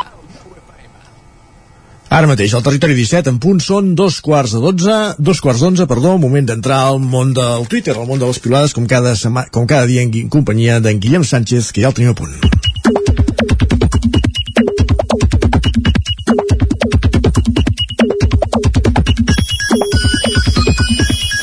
Doncs sí, el tenim a l'estudi, oi Jordi? Sí, sí, sí, el tenim aquí, tot i ser dilluns, i que avui a vegades eh, tenim eh, el... Vaja, això, eh, anem al ralentí encara una mica, eh? Però en Guillem no, ve com un tro, Explica'm una a mi. Sí, sí. I aquí, en Va. Guillem per això va com, com un tro i com una moto i ens ve carregat de piulades com Home, sempre és, és, Guillem és setmana de, de carnaval, hem d'estar amb una mica d'alegria i de diversió, no? Eh? Setmana de Carnaval, segon segon, eh? Segon segon. Els bons els han ajornat. Els carnavals secundaris sí que és cert que alguns Home, es faran ja aquest, l'ha aquest cap de setmana. ja l'ha deixat anar, Jordi. Bueno, escolta, les coses com siguin. Però sí, sí que és cert que hi ha algun carnaval, per exemple, el Lluçanès ja el celebren aquest cap de setmana. I a Ribes que ve. ja l'han fet, I eh? a Ribes, exacte, l'han fet i tot. El que sembla que sí que hi ha celebracions és a les escoles, amb aquesta també setmana diferent que, que fan amb els centres, tot Deixa'm que... dir que algunes escoles també ho han ajornat, eh? però vaja, parlo de les de la Vall dels Ges, per exemple. Però sí, algunes és aquella setmana que el nen cada dia ha d'anar amb... Una disfressa diferent. Sí, déu nhi I això pels pares de vegades ja et ben asseguro que no és senzill i és una mica un mal de cap. Doncs va, anem a repassar una Pel mica. Repassem-ho, va. A mares com la Mariona li produeix aquesta sensació, ens diu, soc una mare que no suporto disfressar a la meva filla per Carnaval. Cada dia una cosa diferent perquè, esclar, els pares no tenim res més a fer que preparar disfresses. Mm. En Guillem fa una bona reflexió que és el Carnaval és una festa d'origen remot que té una característica principal que és la transgressió i el trencament de normes. Diu, haver de disfressar-se quasi per protocol escolar i obligació és el més anticarnavalesc que he vist mai una reflexió interessant ja té aquesta. raó. ja té raó sí. tot això a les escoles aquests dies també estaran una mica més d'enhorabona i si no escolteu que ens escriu la Noemí que ens diu us informo que l'última setmana no he hagut de substituir a cap company de l'escola després de 5 setmanes d'absoluta apocalipsi zombi per fi sembla que tot torna una, mica a la calma per tant bones notícies si més no Sí, en podem donar fe, eh, que bé, que ha baixat el nombre, si més no, d'aules confinades i també d'alumnes. Mica en mica aquesta davallada que hi ha general, sembla, de la Covid, també està entrant a les escoles. I va, canviem una mica de tema perquè aquesta notícia és surrealista, la que us llegiré ara. Diu, la policia de Nottingham deté un home de 83, 83 anys que portava conduint sense carnet des que en tenia 12. Per tant, un jefe absolut. Els comentaris no s'han fet esperar a les xarxes, ens diuen 71 anys conduint, sense carnet, sense assegurança i amb sordera i l'agafen gràcies a una càmera. Diu, aquest home no va ser detingut, sinó condecorat com el millor conductor de la història del món mundial. En Lluís també va per aquesta banda que diu, si ha estat 70 anys sense multes ni accidents, cosa que hagués disparat el fet que no tenia ni assegurança ni carnet, a aquest home se li ha de convalidar fins i tot el carnet de pilot o l'Octavi sentencia a aquestes alçades li haurien de felicitar i no pas de detenir-lo. Situacions curioses. Sí, diguem-ho així però eh, de vegades en passen d'altres Sí. que no ho són tan de Sí, sí, curioses exacte. per tant tampoc es pot jugar no? I fora, I fora de les carreteres i més a prop de casa nostra, en Claudi fa una suposició, ens diu, els de TV3 diuen que un programa comença a una hora però el fan començar 10 minuts més tard, semblen de Cardedeu perquè tots els actes normalment comencen tard. Pam! Pam, ja l'han deixat dita. visca, visca En Dani, en aquest sentit, li respon l'únic puntual a Cardedeu són els actes de l'ANC, diu, i suposo que també les misses, que les misses tenen allò que sí I el, que... I el territori 17 també és I el puntual. territori 17 també. I tant, cada dia puntualíssim a les 9 del matí a Cardedeu i a to, arreu del món fins i tot a través de, de xarxes Per tant, actes d'ANC, misses i territori 17 són les tres coses puntuals a, a Cardedeu I aquest, mat I aquest matí l'Anna ha estat entretinguda mentre esmorzava. Ell ens escrivia hi ha un senyor al bar que deixa sonar la melodia del mòbil fins al final, així a tota castanya i amb un somriure. Només li faltava ballar-la. De fet, m'ha semblat que movia els peus al seu ritme per sota la taula. Això hi ha vegades que la gent no se n'adona que portar el, el mòbil a, a, a tot drap i deixar-lo sonar també pot molestar una mica l'altra gent que, que està Bé, segura... cal, caldria saber quina melodia hi sonava i quina cançó era i mira, de vegades eh, no hi ha mal que per bé no vingui Va, i per als que sou de música, què Hi en ha, pens... hi, ha, hi ha una opció als telèfons que és silenciar-los, També, eh? també. I per als que sou de música, va, no sé què en penseu d'aquesta sentència de la Clara que ens diu hi ha persones que són com la sisena cançó d'un disc, la menys coneguda, però que quan la descobreixes passa a ser la teva preferida. Mira, això en ple segle XXI ha perdut tota vigència perquè l'ordre de les cançons, però els que anem amb el xip vinil encara a vegades, la sisena acostumava a ser Sí, la primera de la cara B. Exacte. L'Isaac ho té controlat. I sí que és cert que era aquella cançó que no era mai el primer single, però que acabava sent de les que feia més fortuna en molts discos. Per tant, en aquest sentit sí que part de raó la té. I l'Òscar li contesta en aquesta afirmació, diu, fa molts anys tenia la teoria que la bona i desconeguda era la cançó número 5. Ara bé, escoltar tot un disc sí que costa molt a hores d'ara. Hi havia vinils Sí que només tenien quatre cançons a la primera cara, si eren més llargues, també podia ser. Clar, això depenia de la llargada de les cançons. Tot i que la quarta acostumava a ser, en grups de pop-rock, la balada. Normalment sempre era allò, pum, uh, l'entrada, el hit, després un parell de mitjos temps, després la quarta era la balada i la cinquena, uh, si era ja la cara B, era aquesta espècie de, de single encobert que... Bé, curiós, eh? Quants records. Va, i per acabar avui només va, un per símptoma positiu de cara al futur en Marc ens escriu un joves de 19 o 22 anys jugant a petanca a Vic diu, no està tot perdut doncs... Home, la petanca per totes les edats és un esport eh, per a tots els públics, eh? Olímpic encara no, sí, però arribarà. tens el temps, Els eh? Jocs Olímpics d'hivern, si volen fer BTT, també volen fer petanca, no?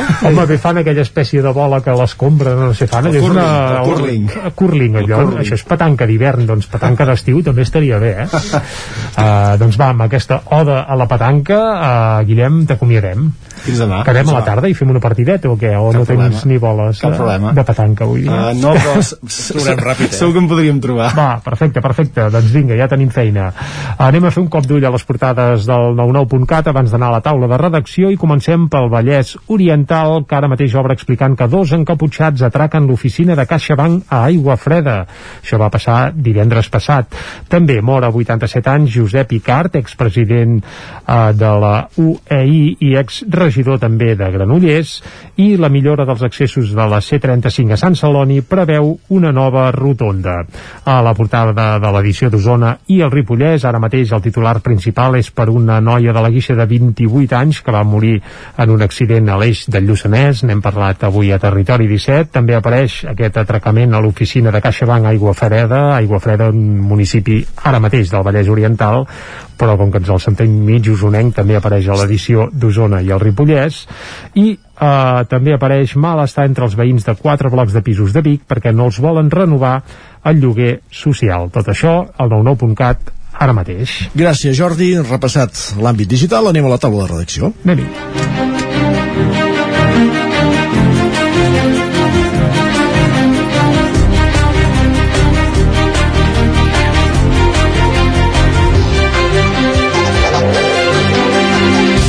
I a la taula de redacció, com dèiem, ens hi acompanyen avui en Víctor Palomar i la Caral Campàs. Víctor, bon dia. Hola, bon dia per parlar d'un fet bastant recurrent els últims anys. La setmana passada hi havia compareixença dels Mossos per parlar-ne, que és l'auge del cultiu i tràfic de marihuana. Doncs sí, és una notícia que va apareixent cada setmana als mitjans de comunicació, perquè de fet els Mossos d'Esquadra van donar dades en una roda de premsa que van fer a finals de la setmana passada i es veu que cada setmana hi han 12 cultius eh, de marihuana que desmantellen els Mossos d'Esquadra. Eh, és una xifra molt elevada i els Mossos d'Esquadra consideren que ara és una de les principals problemàtiques de seguretat de, de Catalunya, que ha passat de ser un problema de salut per ser un problema de seguretat, el tema de, del cultiu i eh, tràfic de marihuana. Uh, per què passa tot això? En principi perquè Catalunya s'ha convertit en, en, en un focus de cultiu de marihuana uh, per tota Europa. Aquesta marihuana que es cultiva a Catalunya doncs després s'exporta a uh, altres països europeus, quan més al nord més, mm, més, eh, més acaba costant aquesta, aquesta droga i que per tant doncs, eh, els traficants doncs, el que volen és això, obtenir-ne el màxim rendiment i per això s'exporten. Eh, altres factors que expliquen això doncs, és un codi penal, una penalització d'aquest delicte del tràfic i el cultiu de marihuana que és inferior a altres drogues, com per exemple la cocaïna i l'heroïna, doncs el tràfic d'aquesta aquestes substàncies té una penalització en el Codi Penal doncs, més elevada.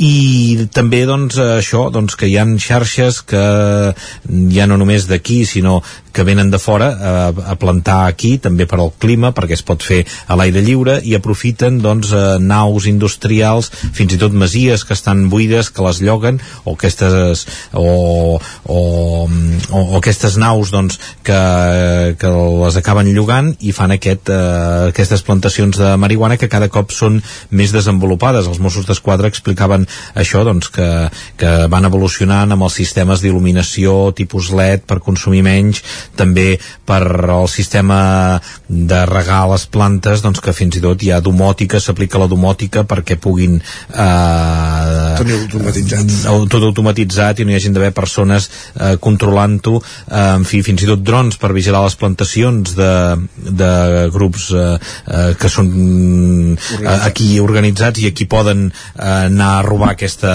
aquesta marihuana. Eh, en fi, que és un problema doncs, que s'ha convertit aquí, per exemple, a Osona a les dues últimes setmanes doncs, se n'han trobat eh, eh, plantacions a Manlleu i, i a Balanyà però durant l'any passat doncs, hi van haver més d'una dotzena d'operacions amb, amb quantitats importants de marihuana. No només se'n planta a l'interior sinó també a l'exterior se'n van trobar a la zona del Montseny també cap a Sant Sadurní d'Usormort hi van haver tres plantacions l'any passat doncs eh, això busquen llocs on hi hagi un riu eh, instal·len sistemes de, de regadiu amb, per bombar l'aigua i, el que preocupa a la policia hi han dos factors. Un és que hi ha empreses legals que ja comencen a col·laborar amb aquests, eh, amb aquests grups, amb aquestes plantacions i que per tant doncs, és l'entrada al món de la delinqüència per molts, només un 5, eh, fins a un 53% dels detinguts l'any passat no tenia antecedents, per tant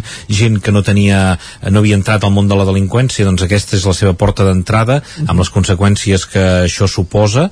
I després també un altre tema que preocupa és la violència cada cop més important d'aquests grups que actuen actuen amb el tràfic de, de marihuana, amb el cultiu i tràfic de marihuana, primer perquè hi ha narcoassalts, entre bandes doncs, es, es roben i s'assalten per robar-se la, la plantació i això fa doncs, que cada cop vagin més armats, que quan es deté algú, quan es troba una plantació, les persones que fan la vigilància doncs eh, porten armes i això armes de foc o armes, armes també ganivets i armes blanques i aquesta violència també doncs, és quan hi ha les operacions policials doncs, també preocupa de cara als agents que, que ho han de, de vigilar. Doncs és un tema, com dèiem, que n'hem anat parlant i l'anirem seguint. Moltíssimes gràcies, Víctor, per ser avui a la taula de redacció. A vosaltres. I continuem aquesta de la redacció, ara en companyia de la Caral Campàs. Aquí saludem de nou. Bon dia, Caral.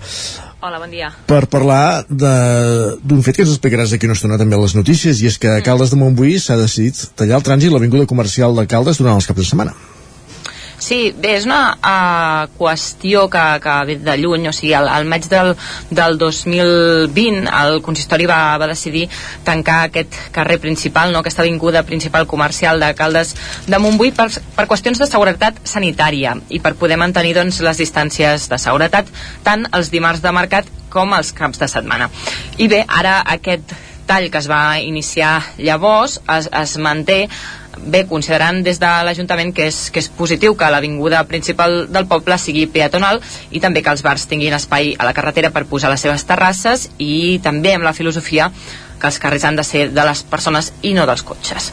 Davant d'això, però, eh, ara, eh, concretament, 63 establiments d'aquesta avinguda, de l'avinguda Pi Margall i també d'alguns carrers propers, eh, demanen i han entrat una petició a l'Ajuntament demanant i reclamant que es restableixi el trànsit de vehicles en aquest vial com a mínim els dissabtes al matí. O també eh, que preguntin a la població demanen que l'Ajuntament pregunti a la població sobre aquesta qüestió i que es decideixi eh, d'aquesta manera.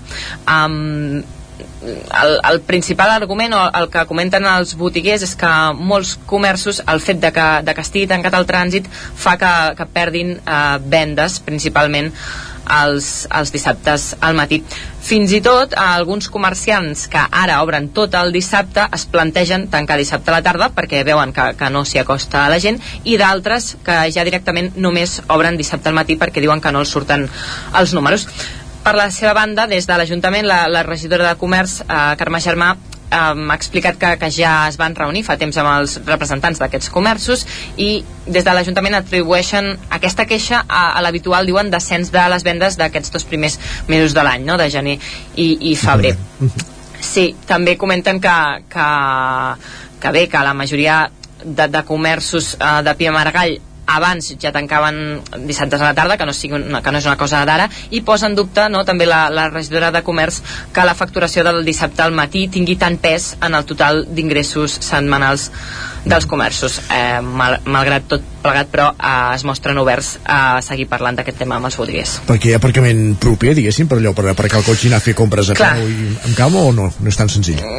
No és, no és tan senzill, perquè eh, també val a dir que Caldes de Montbui compta amb moltes urbanitzacions, hi ha, hi ha molta part de la població que, que viu en urbanitzacions, això com a punt número 1. També val a dir que molta gent de, de Sant Feliu de Codines, Vigues i Riells, pobles així més petits propers que no tenen uh, una avinguda comercial, venen, no? o venien fins ara els caps de setmana a Caldes i ara diuen, uh, això és el que ens comentaven els propietaris dels comerços, no? que els hi han dit els propis um, Clients. comerç, uh, clients, exacte, doncs que, que ho descarten perquè és tan complicat eh, per ells venir a aparcar i arribar-hi caminant que, que van doncs, a altres llocs, bueno, que, ciutats més grans, Granollers, eh, Sabadell.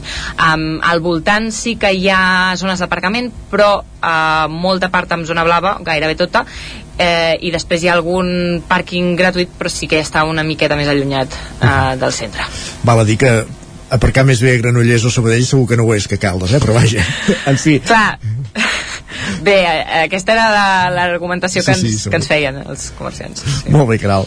Gràcies. Eh, anirem A tot seguit a repassar el cap de setmana esportiu i parlem amb tu també des d'una codinenca d'aquí un moment. Fins ara mateix. Fins ara.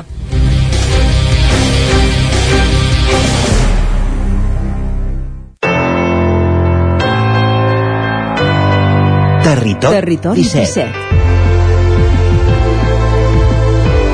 Territori 17.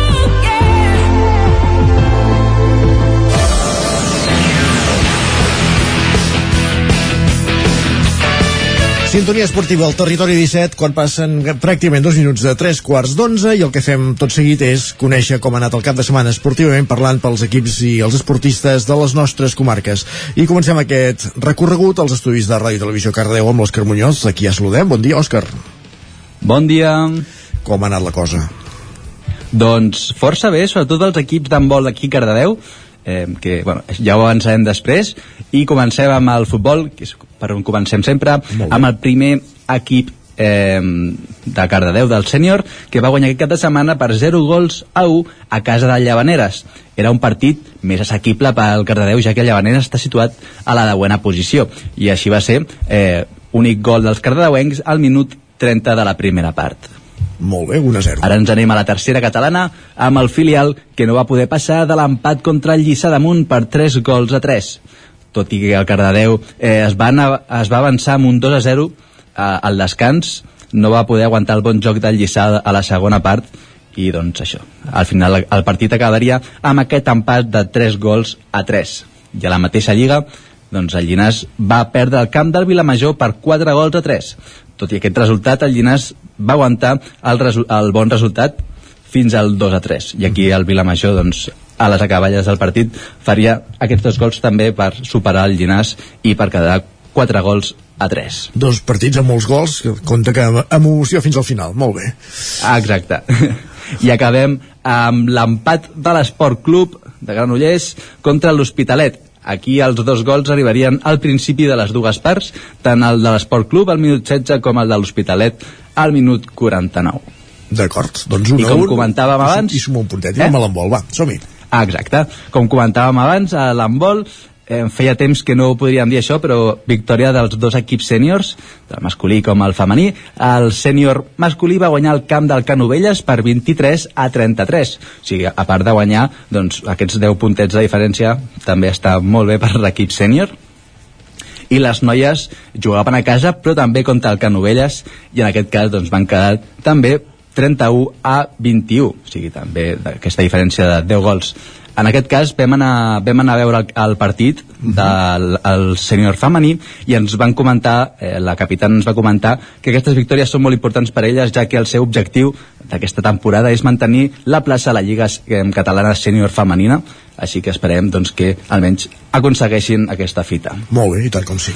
I acabem, acabem amb l'embol a Granollers, amb aquestes dues victòries també de les noies del CAC 7 divendres contra eh, el Mor Verde van guanyar d'un gol de diferència per 24 a 25 i el Franking doncs, també va guanyar dissabte contra l'Helvetia Anaitasuna per 26 a 28. Per tant, de tot el que ens has dit, el resultat més negatiu és un empat. Per tant, déu nhi molt bona ratxa el cap de setmana, no? Ah, exacte, sí, sí. No, dos empats. Dels equips cardedeuencs, ah, no, eh? I una derrota, el, sí. el Llinàs, per exemple, va perdre. Però Exacte, això, sí, sí, tens raó. No, no comptem. La derrota del de l'Esport Club i la derrota de Llinàs, tens raó. Exacte. Gràcies, Òscar. I fins aquí el repàs, molt, molt bé. bé. Bon dilluns. Continuem aquest recorregut als estudis de Ona Codinenca, de nou amb la Caral Campàs, i ara parlant d'esports, Caral. Sí, bon dia. Una, de nou, eh, començo per l'hoquei eh, amb males notícies perquè hi va haver una desfeta d'alcaldes pels Blaugrana aquest cap de setmana en un partit que va acabar amb Barça 5, Caldes 1. Eh, bé, comentar que el primer gol dels Blaugrana va arribar 3 minuts abans del descans eh, i el Barça, que és, que és molt fort i és líder de grup, va dominar, eh, tot i que bé, també s'ha de dir que els calderins van lluitar fins al final. Eh, I comentar i destacar també que un, a 1 minut 43 segons per acabar el partit el Eduard Candami, l'entrenador d'alcaldes eh, va canviar el porter per un jugador de camp, se la va jugar i va ser un fet que li va costar doncs, el tercer eh, gol blaugrana a porteria buida en aquest partit que va acabar amb 5 a 1 això, uh, això era la recta final del partit, dius ja. Exacte, Van la recta final, final. amb 2 a 1 un, partit, un marcador ajustat. Exacte, marcador mal ajustat i amb aquests eh, tres gols més doncs, a, a pocs minuts de, del final. Uh, però bé, en hoquei okay, no tot són males notícies perquè les noies del Vigas i Riells es van endur una victòria de mèrit aquest cap de setmana davant el Vilanova, uh, victòria per la mínima per 4 a 5, uh, un partit molt disputat ja que, que el Vigas es va posar al davant en el marcador en tres ocasions, els minuts 3, 4 i 10 i el Vilanova va reaccionar també amb tres gols consecutius. Per tant, bé, uh, anades i vingudes però al final una victòria per les noies del, del Vigues i Riells davant del Vilanova per aquest 4 a 5 eh, me'n vaig al futbol eh, a segona catalana, el grup 5, el primer equip d'alcaldes arriba a l'aturada amb, amb grans sensacions, des, des, després també val a dir d'haver patit per derrotar el Parets B eh, i mantenir els 5 punts de diferència mm, que té respecte al seu màxim seguidor pel liderat, el Cardedeu. Uh, un partit doncs, d'alcaldes contra el Parets B que va acabar amb 2 a, a 0. Uh, val a dir que el Parets és un equip situat a la part baixa de la classificació, per tant eh, no hauria d'haver sigut un partit tan complicat pel Calderins, però bé eh, els ballesans es van, es van tancar molt un fet habitual que, que el succeeix al primer equip d'alcaldes i per això doncs bé, van patir una miqueta més però es van acabar emportant al partit. Mm. i me'n vaig a, a tercera catalana, Alcaldes B. El filial va perdre en la seva visita a l'Olímpic La Garriga per 2-3 aquest cap de setmana en un partit eh, corresponent a la vintena jornada i bé, així el B és 13 i arrossega una ratxa negativa de resultats, val a dir, amb 4 partits perduts i un empat en els seus 5 últims enfrontaments. Um, i acabo amb el derbi el derbi del Castellterçol i el Mollà que va acabar amb empat a dos en un partit força igualat uh, els locals van defensar bé davant d'uns visitants que, doncs, que van fer un joc baladí uh, més combinatiu i a la represa amb un 1 a 2 al marcador i en els minuts finals quan semblava que la victòria era pels, de, pel Mollà el Castellterçol va rematar uh, amb aquest 2 a 2 doncs empaten el derbi moianès, gràcies, mm. Caral, i acabem aquí aquest repàs. Bon dia. Anem fins als estudis de la veu de Sant Joan, on ens hi espera l'Isaac Muntades, en un cap de setmana esportivament parlant, el Ripollès marcat, entre d'altres coses, per la disputa de l'hivernal de dissabte. Bon dia, Isaac. Doncs uh, sí, correcte. De fet, uh, va ser pràcticament el, uh, una de les coses més interessants d'aquest cap de setmana. Com que n'hem parlat uh, també uh, a l'informatiu, en parlarem, uh, evidentment us, us en faré un petit uh, detall. Dir-vos que va guanyar el Camprodoní Albert Llong a la cursa de 27 quilòmetres, uh, en un sprint uh, bastant ajustat amb Xavi Prim, uh, i el Ripollès Marc Carós va fer tercer amb... Uh, i, i va completar doncs, eh, aquest podi no? Eh, dir-vos també que Albert Llong va marcar un temps de 2 hores 45 minuts i 23 segons i va aconseguir doncs, eh, la seva tercera victòria consecutiva perquè va guanyar les edicions del 2019 i 2020 i en la categoria femenina la vencedora va ser Jennifer Aracil amb 3 hores 32 minuts i 43 segons seguida de Nerea Martínez i Laura a Umatell que van completar el podi i van arribar eh, molta estona després, va guanyar amb comoditat. A la cursa de 14 quilòmetres els vencedors van ser el Sant Joaní David Rovira, que també va vèncer en un ajustat final Arnau Capdevila, mentre que tercer va ser Joan Riba i en dones va guanyar Messi Arcos eh, que també va fer en comoditat sobre Vanessa Xirvetxes i la canolenca Maria Sau, que va ser tercera. Uh, unes 500 persones van participar entre les dues distàncies i la caminada popular de 14 quilòmetres. Això pel que fa a l'hivernal, Uh, pel que fa al futbol tenim de tot tenim una derrota, tenim un empat i tenim una victòria uh, el subgrup A de la segona catalana el Camprodon va tornar a caure derrotat per 2 a 0 al camp de l'Empuriarava Castelló en un nou partit on es va repetir la tònica habitual el Camprodon doncs, va dominar més el partit però els errors defensius el van penalitzar i per tant continuen cues de la categoria amb 7 punts. Uh, de fet uh, dir-vos que la primera part pràcticament no hi va haver ocasions i que l'única que hi va haver de l'Empuriarà de Castelló. Va anar a l'escaire amb un xut des de, des de la frontal, un xut de, de ruedes i a la segona part doncs eh, només començar una, una errada defensiva va permetre que Llach interceptés la pilota i fes un altre gol des de la frontal el Camprodon va tenir diverses ocasions per empatar amb, amb algun xut al pal i alguna bona aturada al porter però no, no va aconseguir uh, l'igualada i doncs va, va perdre el partit uh -huh. qui per fi va guanyar uh, va ser el Badesenc que ho, va, va... ho vam augurar divendres, eh? ho vam vaticinar eh? Sí, li va costar, eh, per això, perquè va trencar aquesta mala ratxa 8 partits i, i va ser en el minut 94, eh? Vull dir que va ser, va ser, va ser una victòria èpica, eh, 1-2 al camp de l'Ètic Banyoles. Els Sant Joanins, de fet, van ser dominadors del partit, com ja se, sol ser habitual en la majoria dels partits que juguen, eh, i van tenir un xut d'Albert al pal, eh, el porter de, de la Badesenc també va haver-se de, de lluir a la primera part, a la segona només començar Duran va obrir el marcador per part de l'Ètic Banyoles amb un xut des de fora l'àrea. Edgar va aconseguir empatar ràpidament amb una rematada al primer pal i a l'últim minut ja quan ja tot agonitzava i semblava que la Badesenc faria el cinquè empat consecutiu doncs Cruz va aconseguir eh, el gol de la victòria en una d'aquelles jugades embarullades eh, en, amb una pilota morta dins de l'àrea que va aconseguir eh, rematar.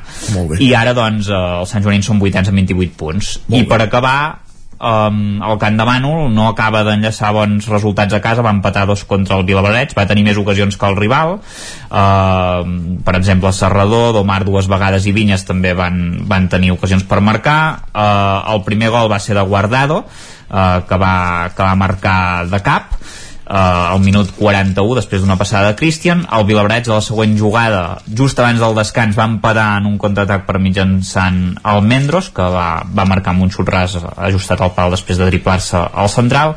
I a la segona part doncs, eh, el Canal es va tornar a avançar amb gol de, de Christian que davant del porter Ah, perdó, amb gol de Maideu, el que passa que Christian davant del porter va fallar i el rebot li va anar a parar en ell, que, que va marcar sense angle i bé, el Vilabreig va aconseguir empatar amb un altre contraatac amb un gol de vaselina del Mendros i es va quedar en 10 jugadors però el Canal no va aconseguir superar la muralla i tot i tenir dos travessers eh, i ara el Canal és cinquè amb 34 punts per tant haurà d'espavilar perquè se li està escapant el tren de, de l'ascens. Molt bé, futbol sala i hoquei no en tenim aquesta setmana? No, no, no tenim, m'havia comentat l'altre dia que hi havia hoquei, m'havia despistat. És la següent setmana que comença aquesta segona fase que jugaran contra el Candes, Alcaldes B i en futbol sala sí que, sí que descansaven. Perfecte, gràcies Isaac, bon dia. Parlem a vosaltres fins ara. I acabem aquest recorregut als estudis del 9FM amb l'Ester Rovira per conèixer l'actualitat dels equips usonencs. Bon dia, Ester. Bon dia. Um, comencem amb, amb hoquei, justament ara que, que l'Isaac deia que, que aquesta segona fase de, de la primera catalana començarà la setmana que ve. Nosaltres comencem amb hoquei i amb l'hoquei Lliga, que hi havia jornada aquest cap de, de setmana, la, la 19a ja, i els dos conjunts usonencs que hi militen, tots dos van, van perdre. Uh, el Voltregà rebia el Noia, amb qui va perdre per 3 a, a 6 en un duel que va ser molt intens, igualat i on es van veure un total de 8 targetes blaves i hem de dir que es va decidir des de, en parlant certa falta, a falta directa del conjunt uh, visitant uh, una derrota que deixa el Voltregà en zona de, de play-out per la, per la permanència en onzena posició juntament eh, ara mateix amb, amb el Manlleu que és 12è i que també ocupa l'altra plaça de, de promoció per mantenir-se la categoria. Els manlleuencs que visitaven el Calafell eh, i van fer-hi un bon partit fins a 13 minuts pel final. Eh, però a partir de llavors eh, el Calafell va començar a trobar la manera de perforar la porteria de Xevi Arques i va acabar endossant un 5 a, 0 eh, que és exagerat tenint en compte l'esforç que havia fet el Manlleu les moltíssimes ocasions de què havia disposat i que segurament doncs, per ser justos li haurien d'haver permès ja anar per davant en el marcador a la mitja part però, però no va ser així i al final doncs, els manlleuencs que van patir una, una nova derrota. I el preocupant és això, tots dos situats en les dues places de, de play-out, no de descens Exacte, no, no descens i quart per la cua. exacte, no descens directe que aquestes places les ocupen el Palafrugell i l'Alcobendes però sí les dues que haurien de, de competir entre ells per, per això perquè un dels dos uh, se salvés i l'altre i l'altre perdés la, la categoria uh, veurem com evolucionen les, les coses però és veritat que ara comença ja a haver-hi una mica de, de forat entre, entre aquests dos equips i el Girona que també té 14 punts com ells dos i el següent que és l'Igualada que ja està a 20 per tant ja hi ha 6 punts de diferència amb, amb l'Igualada eh? no és són, cosa. sí, són, són zones complicades. En el cas de, dels equips uh, femenins dic que aquest cap de setmana tenien jornada de Lliga Europea femenina. Um, el Voltregà disputava ja la segona jornada perquè uh, la primera va, va competir a casa però el Manlleu debutava perquè tenia descans en la primera i ho va fer amb golejada a la pista del Matera italià per 0 a 8 uh, sense massa problemes uh, les manlleuenques per imposar-se en aquest partit malgrat tenir les baixes destacades d'Anna Casarramona i, i Maria Díez. Uh, potser la primera part els van costar més les coses però la segona va caure, va caure la, la golejada. Havien arribat al descans amb 0 a 2 i després ja no van tenir problemes per anar ampliant el, el marcador. I el Voltregà en canvi uh, visitava el Benfica uh, en el grup uh, A un dels rivals uh, complicats um, de la seva, del seu grup. I uh, les uh, de Sant Hipòlit que no van poder amb, amb les portugueses i van perdre per 6 a, a 1 uh, hem de dir que ja el partit no va començar bé d'entrada perquè 11 segons pel final ja els hi pitaven un penal en contra i a partir d'aquí doncs, les coses van anar anant a, a pitjor. Aquest cap de setmana dir que també el Taradell aprofitava per disputar un partit que tenia pendent i va guanyar el respeig per 4-6, que això li permet posar-se segon del grup sud de, de l'hoquei Lliga Plata. I passem al futbol eh, per destacar que aquest cap de setmana eh, els resultats eh, fan que el Tona sigui una mica més líder del, del grup 2 eh, els, els tonencs que es van imposar a casa contra el Júpiter per 2 a, a 1 en un partit on van disposar de múltiples ocasions eh, sense encert en la rematada final i per tant el partit podria haver acabat en golejada i com dèiem és més líder eh, té 41 punts respecte als 36 del Manlleu perquè els manlleuencs van perdre en la seva visita al Sant Ildefons per 3 a 1 en un partit gris eh, on van tenir doncs, unes jugades desafortunades que els hi van comportar aquesta, aquesta derrota. Per darrere seu eh, només hi ha dos punts ara mateix ja hi ha el Vic en tercera posició que va aconseguir la seva tercera victòria consecutiva. Els biguetans que jugaven a casa eh, contra el Sant Just i el van golejar per 3 a 0 en un partit amb efectivitat ofensiva a diferència diferència d'altres vegades que potser els havia costat més i el Vic Riu primer per la seva banda continua uh, sense aixecar cap. A més a més en un partit amb moltes baixes aquest cap de setmana i no van poder puntuar el camp del canvi de l'Eto, van perdre per 2 a 0 i continuen uh, coers de la classificació. Uh, per acabar el futbol dir que el Vic Riu primer de la primera divisió nacional femenina va perdre aquest cap de setmana a casa contra l'Osca per 1 a 2 les de Saragossa que van ser superiors uh, i, i van acabar emportant-se aquest partit sense sense uh, un marcador molt ampli però, però sí de, doncs, de manera um, relativament uh, còmoda i en el cas de, del bàsquet el Club Bàsquet Vic va aconseguir una victòria treballada en la seva visita a l'Azulejos Moncayo per 66 a 75 uh, tot i que bé, va haver de suar de, de valent per acabar aconseguint aquesta victòria en el tram final de la, del partit i ara mateix són quarts a la, a la classificació els biguetans. Perfecte, Estirles, moltíssimes gràcies per aquest bé. exhaustiu repàs. Continuem al territori 17, moment de posar-nos al dia. I ens posem al dia quan passen pràcticament 4 minuts del punt de les 11. Territori 17, amb Isaac Moreno i Jordi Sunyer. Per explicar-vos aquesta hora que comença a funcionar el primer escorxador mòbil de Catalunya per petits productors d'oví i cabrum. Actualment hi ha dues explotacions autoritzades per poder fer ús de les instal·lacions d'aquest escorxador, però a mesura que vagin complint els requeriments normatius se n'hi afegiran una desena d'Osona, el Bages, el Berguedà i el Moianès. En els darrers anys han cessat l'activitat diversos escorxadors. Això ha comportat que els ramaders hagin de dur a sacrificar el bestiar en punts molt més allunyats de les seves explotacions i algunes haurien deixat de ser viables precisament per aquest motiu, especialment les que es troben en zones desafavorides o de muntanya. Per tal de poder revertir aquesta situació s'ha posat en marxa el primer escorxador mòbil de Catalunya, adreçat a petits productors d'oví i de cobrum, una reivindicació històrica del sector. La granja Cal Miquel de Santa Maria de Marlès, al Berguedà, va acollir la presentació d'aquest projecte. Actualment estan autoritzats per dur-ho a terme dues explotacions més, però està previst que també se n'hi afegeixin una desena d'Osona, del Bages, del Berguedà i també del Moianès. Ho explica Teresa Jordà, que és la consellera d'Acció Climàtica, Alimentació i Agenda Rural de la Generalitat. El primer escorxador mòbil d'Ubí de molts que vindran, sense cap mena de dubte, per donar sortida, per donar viabilitat, per donar competitivitat també a totes aquelles explotacions del nostre país que fan bé la feina, que la fan amb sostenibilitat, que la fan amb amor, que la fan amb estima, que ens ajuden a preservar el territori, que ens ajuden a fer un país, en definitiva, molt més verd. Vol dir molt esforç, vol dir molta gent que hi treballa cada dia. Eh?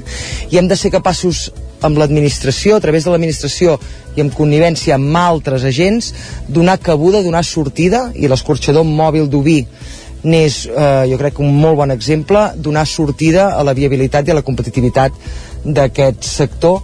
L'escorxador funciona amb un punt d'aigua i de llum i s'encarrega tant del sacrifici com del tall. També disposa d'una cambra frigorífica per conservar el producte fins als punts de comercialització. Pels ramaders es tracta d'un equipament molt esperat perquè els estalvia costos i els garanteix la pervivència. Ramon Bach és veterinari de l'Associació Nacional de Criadors d'Oví de raça ripollesa. El sector oví està envellit, però això no vol dir que no tingui solució. Abans hi havia els rabadans, ara no hi són però hi ha d'haver una continuïtat, hi ha d'haver una solució per tot això. I una de les primeres solucions és valorar els productes que surten de les explotacions. I l'única manera, en principi, de fer-ho és poder sacrificar els animals a l'explotació i com a segon pas fer la venda directa a les explotacions. L'escorxador mòbil ha costat 97.000 euros, 40.000 dels quals s'han finançat a través de la Diputació de Barcelona, mentre que la resta els ha participat, els ha finançat l'Associació d'Iniciatives Rurals de Catalunya. Els veïns de quatre blocs de pisos de Vic denuncien que no els volen renovar el lloguer social. En total hi ha 34 afectats i alguns d'ells hi viuen des de fa 15 anys. Els pisos són propietat d'Immocaixa, de la Fundació La Caixa, que té la voluntat de vendre els habitatges. Una dotzena de veïns de quatre blocs de pisos de Vic expressaven el seu malestar dimecres passat davant la possibilitat d'haver de deixar els pisos on viuen, alguns des de fa 15 anys. Són pisos de protecció oficial, propietat d'Immocaixa, que gestiona el patrimoni immobiliari de la Fundació La Caixa i que va impulsar en el marc dels programes de l'obra social amb un lloguer assequible. Aquest any finalitzen els contractes i no els volen renovar. Paula Terrón és membre de la plataforma d'afectats per la hipoteca d'Osona. Trobem al carrer Òmnium Cultural de Vic, eh, hi ha 34 persones afectades eh, pel contracte d'habitatge, eh, de les quals eh, no hem rebut resposta per part de la Caixa, eh, i creiem que no, no els hi renovaran, tampoc hi haurà alternativa, llavors hem decidit ficar, um, començar a lluitar per uh, poder aconseguir el nostre, un habitatge digne i un millor accés a l'habitatge. El preu mitjà del contracte previ el 2017 era d'uns 200 euros al mes i el 2020 era d'uns 500 euros. Al principi de la pandèmia es van renovar alguns d'aquests lloguers, els preus més alts, però ara els han dit que no i que han de marxar. I això seria de forma gradual, ja que els contractes finalitzen en dates diferents. La Dori Vico, que fa 10 anys que hi viu, és una de les afectades. És que nosaltres no volem uh, que n'hi hagi desnonaments. Nosaltres el que volem és parlar amb la Caixa i que, que podem quedar aquí perquè són famílies que són vulnerables i n'hi ha que, com se diuen, eh, en exclusió residencial. I clar, no podem marxar així com així. No tenim possibilitats. I nosaltres estem aquí perquè això era l'obra social de la Caixa o sigui, era un ajut per nosaltres i ara ens, els treuen tot i sense cap possibilitat de fer un, un acord amb ells des d'Inmocaixa admetien que la voluntat és posar tots els pisos a la venda, però que estan treballant per trobar alternatives. Davant la manca de resposta per part de la propietat, però, els veïns es van posar en contacte amb l'oficina de l'habitatge de Vic i l'Ajuntament per tal de demanar solucions i demanar-los també el seu suport. A Caldes de Montbui es talla el trànsit a l'Avinguda Comercial de Caldes durant els caps de setmana. Ho hem avançat a la taula de redacció. Una iniciativa que es va començar a aplicar per la pandèmia per tal de garantir la distància de seguretat interpersonal i que s'ha acabat quedant. Ara, 63 botigues volen que es replantegi aquest tall de trànsit. Caral Campàs, des d'Ona Codinenca.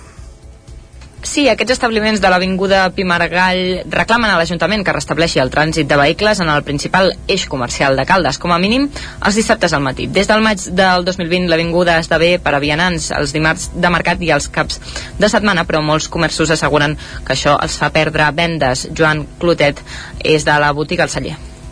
No que, que si es fa tancar el diumenge, el diumenge, però el dissabte, que és un dia de venda, eh, és perquè es, es circuli i poder arribar. Els dissabtes era un dia de que es, es venia i ara fa molts dissabtes des que han tancat que no, no és el mateix. Venia molta gent de fora, de Sant Feliu, de Sant Eulàlia, de Sant Manat i tota aquesta gent no ve perquè no poden aparcar ni arribar-hi, és que és molt difícil d'arribar. Alguns comerciants que obren tot el dissabte es plantegen tancar a la tarda i d'altres ja directament només obren al matí perquè no els surten els números. En aquest sentit, Carme Germà, regidora de Comerç, apunta que la majoria dels comerços de Pie Margall ja tancaven els dissabtes a la tarda i posa en dubte que la facturació dels dissabtes al matí tingui tant pes en el total d'ingressos setmanals dels comerços. Nosaltres vam fer un estudi, ho vam valorar, el que vam veure és que gairebé tots els establiments de Pie Margall el dissabte a la tarda estan tancats. Per tant, estem parlant d'una facturació basada només en el dissabte al matí. Llavors, um, jo com a botiguera i com a família de, de botiguers de tota la vida, m'és molt difícil de creure que la facturació només del dissabte al matí influeix tantíssim en la facturació total tenint en compte que durant la setmana tota, ells diuen que durant la setmana les ventes van bé un dissabte al matí que per altra banda um, aquests mesos no, perquè potser no hi ha terrasses i no convida tant a passejar el temps que fa, però quan comença a fer bo es, hi ha molta gent passejant el cap de setmana el dissabte al matí. Malgrat això, la regidora de Comerç s'ha mostrat oberta a seguir parlant d'aquest tema amb els botiguers. I de Caldes a Granollers, perquè la capital del Vallès Oriental vol prohibir l'ús de patinets a l'illa de Vianants i a les voreres de la ciutat. El ple aprova inicialment la modificació de l'ordenança de circulació. Núria Lázaro, des de Ràdio Televisió, Cardedeu. Granollers prohibirà la circulació de patinets elèctrics per l'illa de Vianants i per les voreres de la ciutat. El ple municipal que va tenir llocs la setmana passada va aprovar inicialment la modificació de l'ordenança municipal de circulació de vianants i vehicles per adequar-la a la normativa. Uns canvis que faran que els anomenats vehicles de mobilitat personal puguin circular només per la calçada i pels parcs. La decisió arriba després que el consistori limités l'ús dels vehicles de mobilitat personal durant l'horari de càrrega i descàrrega. Després de la modificació ara queda en exposició pública per un període de 30 dies hàbils per si rep al·legacions, suggeriments i reclamacions. Ja fa 25 anys que el grup escènic de Callatenes va passar a dir-se l'Espardenya Teatre. Per tal de commemorar aquesta celebració, el grup de teatre ha recollit en una exposició els cartells i fotografies de bona part de les seves representacions. L'Hostal de la Glòria va ser la primera obra representada per l'Espardenya Teatre quan es va constituir, ara fa 25 anys. Era el 1997 i prenent l'estela del grup escènic de Call d'Atenes, el grup iniciava el seu recorregut aplegant centenars de persones a la carpa de la Festa Major. Jaume Parramon és el director de l'Espardenya Teatre. El posar-nos el nom ens va una miqueta com condicionar a, a intentar fer, buscar obres una miqueta més elaborades. Des d'aleshores, un bon grapat d'activitats, propostes i formació teatral expliquen que aquest 2022 el grup compleixi 25 anys i ho faci en bon estat de salut. Poder disposar del teatre auditori els va ajudar a millorar la preparació i el resultat de les obres que en destien. Escoltem a Jaume Parramon. Fem una actuació, ens venen a veure eh, 600 persones, que en un poble de 2.500 habitants és un disbarat, està molt bé i esclar, gràcies a ells doncs fa que nosaltres estiguem valents i que anem fent coses i que estiguem animats a continuar amb, amb, molta, moltes ganes Per celebrar el quart de segle de vida, l'Espardenya Teatre ha inaugurat una exposició de fotografies i cartells de totes les seves obres fetes des del 97, que es pot visitar al vestíbul superior del teatre fins al proper dia 20 de març. Alhora, al maig, estrenaran l'obra Instruccions per enterrar un pare i seran els, eh, vaja, els visitants, no els visitants, sinó la gent de Call d'Atenes qui decidirà la representació que farà el grup per la festa major. Això ho explica Pep Alzina, que és un dels històrics de l'Espardenya Teatre. Totes aquestes que n'hi han aquí, nosaltres n'hem seleccionat 10, que la gent vindran aquí i amb aquesta butlleta votaran l'obra que volen que fem per la festa major. Per tant, la que la gent ens digui, de les 10 que hem proposat, serà la que farem per la festa major. L'Espardenya Teatre també es farà càrrec del pregó, de la festa major, i internament el grup també organitzarà dos tallers de teatre i maquillatge pels seus membres. Una altra de les novetats d'aquest any és la renovació del logo de l'Espardenya Teatre, que ho farà, el nou logo, el call de Tanenc Xevi Domínguez. Al camp, en la pàgina esportiva, el Camprodoní, Albert Llong guanya l'Hivernal de Can de Bànol per tercera vegada consecutiva en el desè aniversari Isaac Muntades des de la veu de Sant Joan. El corredor Camprodoní Albert Llong va ser el gran triomfador de la desena edició de la Hivernal de Can de Bànol en guanyar la prova llarga de 27 quilòmetres i 1.800 metres de desnivell positiu. Llong va vèncer l'esprint a Xavi Prims en un final molt ajustat en què va marcar un temps de 2 hores 45 minuts i 23 segons. Llong va fer el triplet a la prova Camp de Banolenca i de manera consecutiva, ja que va guanyar la marató amb autoritat als anys 2019 i 2020. El desè aniversari de la Hivernal va tenir en la meteorologia el seu principal enemic, perquè la pluja, el fred, el vent o la boira van fer acte de presència durant tot el recorregut. Així explicava Llong com li havia anat la prova. Jo he començat intentant estirar el grup fort i m'ha sorprès, i, i anàvem amb, amb, amb en Carós, i el, jo pensava que aniríem tota l'estona amb en Carós, amb en Marc. Però m'ha sorprès quan m'he girat, he vist que hi havia en Xavi Prims, hi havia l'Eugeni Gil, que també és un, fletxa, i hem anat juntats una bona estona. Però ja la part de la Covid, la part així més tecnicota, ja s'ha anat quedant enrere, i anàvem només amb, amb l'Eugeni i amb Prims una mica més, retrasat. I llavors al segon avituallament ja sí que l'Eugeni s'ha quedat enrere i hem anat tota l'estona els últims 10 o 12 quilòmetres junts amb en Xavi Prims i bé, sí que hem anat junts i ens hem jugat aquí a l'esprint al, al, al, al part final, diguéssim. Les condicions... Precisament, Marc Carós va aconseguir la tercera plaça i suma el desè podi de la prova, ja que és l'únic corredor que ha participat en les 10 edicions i que ha guanyat alguna vegada les 3 distàncies. La cursa femenina sí que va ser més plàcida per Jennifer Aracil, amb un temps de 3 hores 32 minuts i 43 segons, amb 13 i 25 minuts d'avantatge sobre Nerea Martínez i Laura Omatell. Sí, he anat còmode, he anat còmode, no, no he tingut que apretar, he anat al meu ritme, no he tingut competència i ha sigut una cursa cursa bastant còmoda i contenta, contenta del rendiment avui. La volta tinguda jo crec que és exigent, és molt corredor. Hi ha la part aquesta de pujada molt tècnica, molt potent, però també és molt, molt corredor. La prova de 14 quilòmetres també va estar igualada en categoria masculina. El Sant Joaní David Rovira i guanyador de la Taga 2040 Evo de Sant Joan de les Abadeses ara fa uns mesos va arribar a l'esprint amb Bernal Capdevila fent un temps d'una hora 7 minuts i 7 segons. El tercer classificat, Joan Riba, va arribar a 32 segons. En dones, victòria de Messi Arcos amb una hora 20 minuts i 44 segons. A dos minuts va arribar Vanessa Sirvetxes i la can de Manolenca Maria Sau a gairebé 5 minuts va sumar un altre podi a la competició. Jordi Tubau, el president de l'Associació Esportiva Sant Grau i entitat organitzadora de la prova, es mostrava molt satisfet de l'alta participació. En global haurem abarcat unes 600 persones, més o menys. Fèiem, entre les dues curses dèiem que volíem arribar als 400 participants i els hem, els hem superat, perquè han sigut uns 180 corredors a la llarga, 27 quilòmetres, i passava de 250 de la distància de 14, vull dir que super contents. A la caminada de 12 quilòmetres van participar-hi poc més d'un centenar de persones.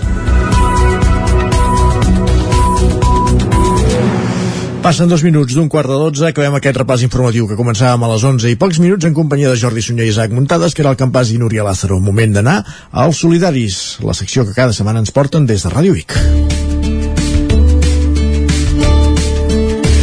I sense més preàmbuls, el que fem és saludar ja l'Adrià Oliveres, que aquesta setmana s'ha endinsat a conèixer l'associació Tapís. Bon dia, Adrià.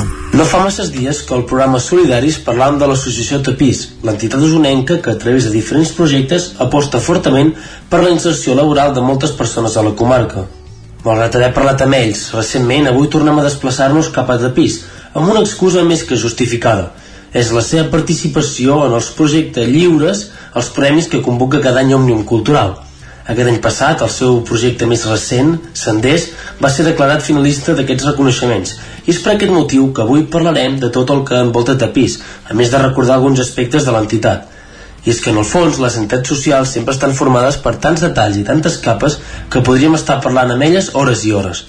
Així que avui, sense demorar-nos més, des de Ràdio Vic i a través del Territori 17, parlarem altra vegada amb l'associació Tapís, concretament amb en Jordi Tortosa, treballador de l'entitat.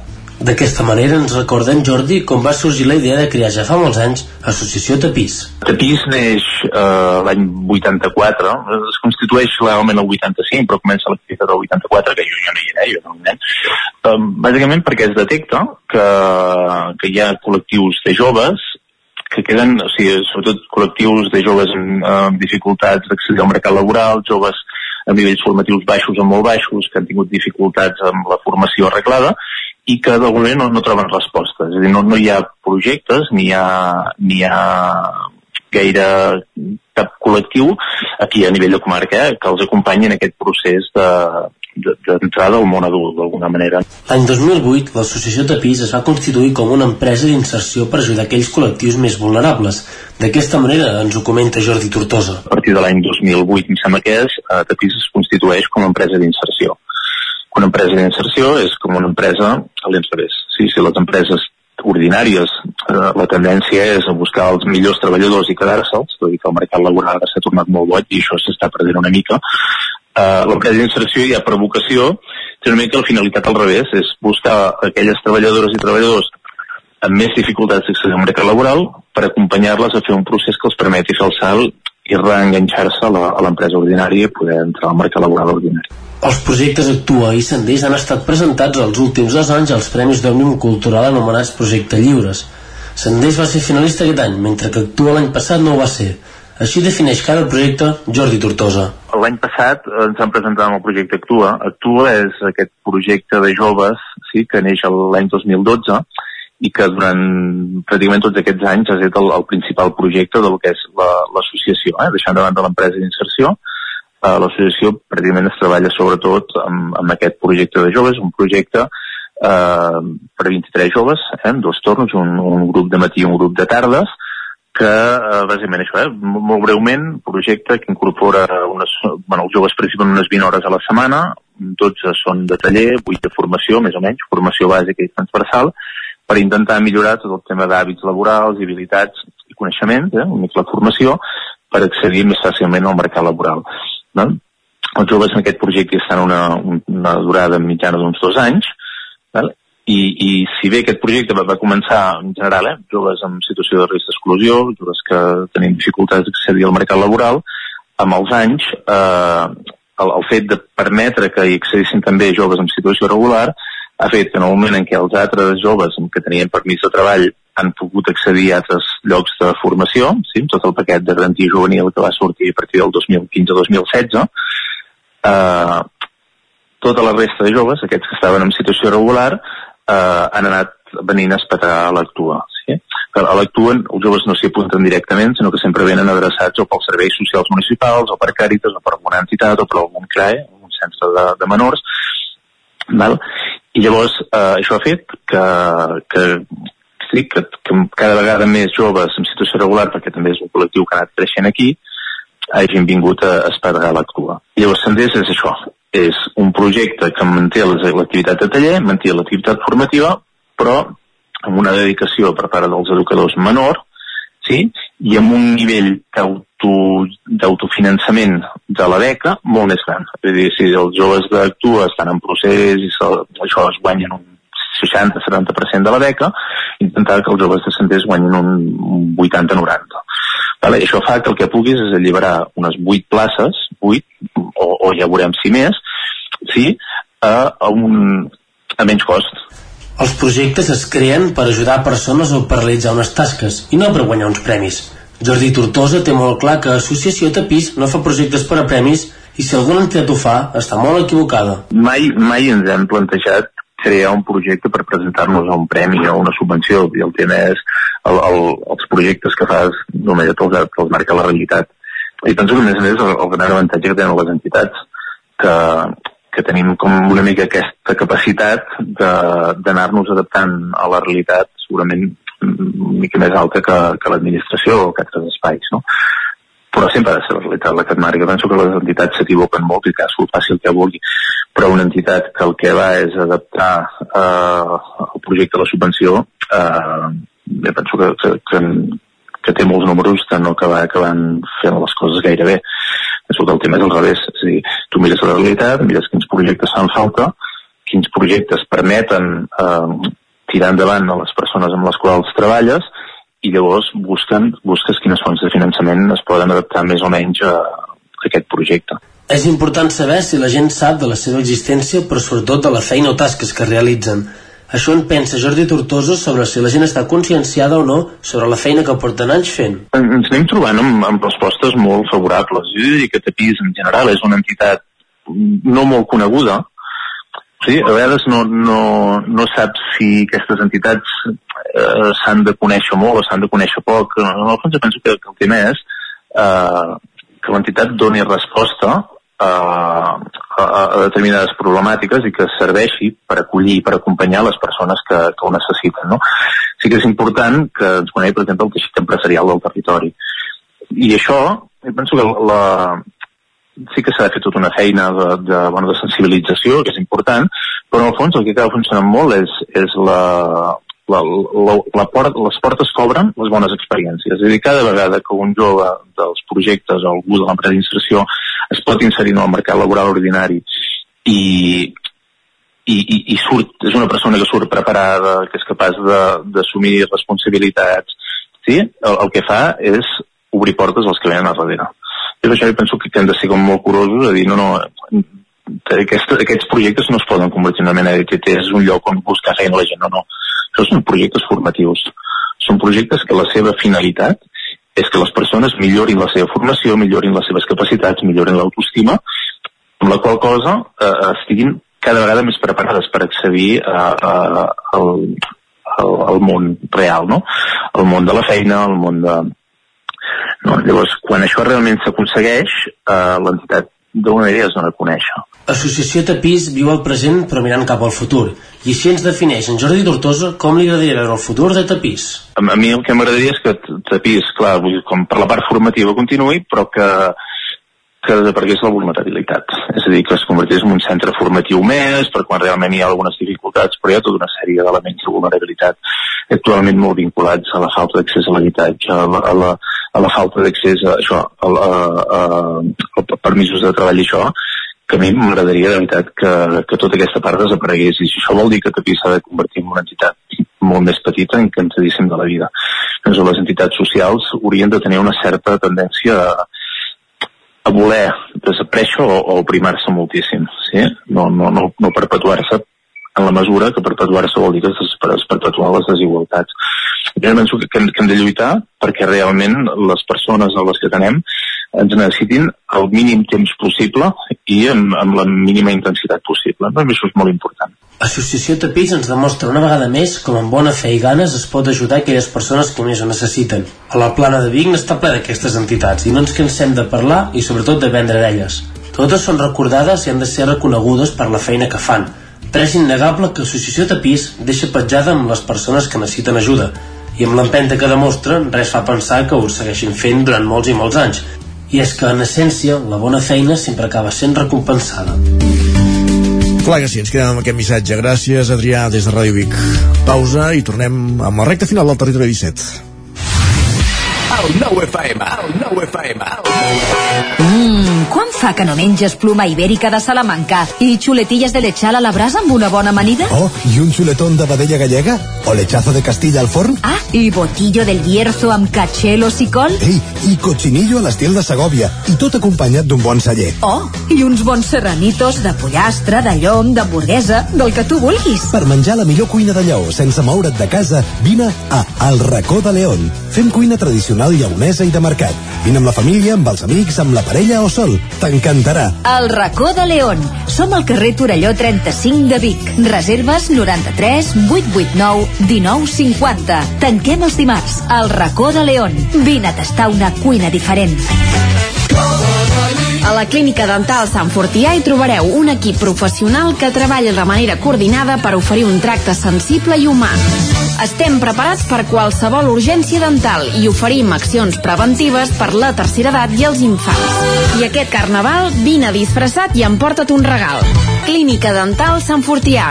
Ens trobareu a la plaça Sant Fortià número 9 de Torelló al 93 859 6408 i al 690 92 51 99.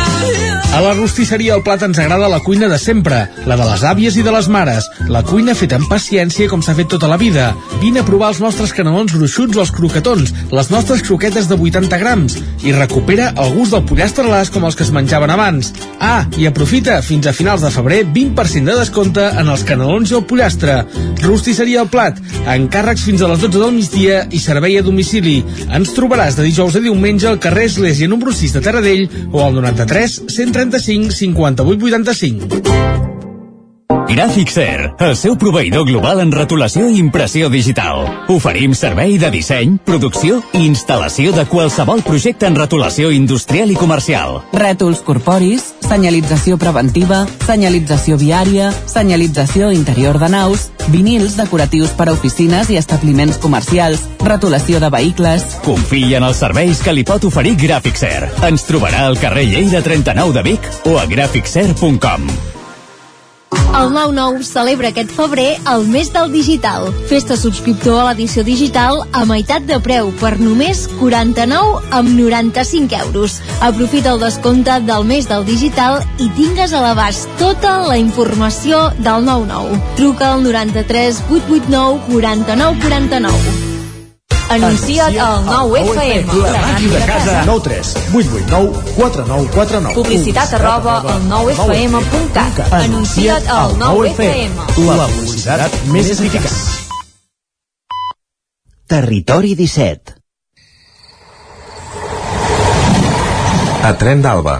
Cada dia els usuaris de la línia R3 de Rodalies que veuen sortir el sol des d'un vagó ens expliquen les gràcies i les penes del primer comboi que uneix Ripoll i Barcelona.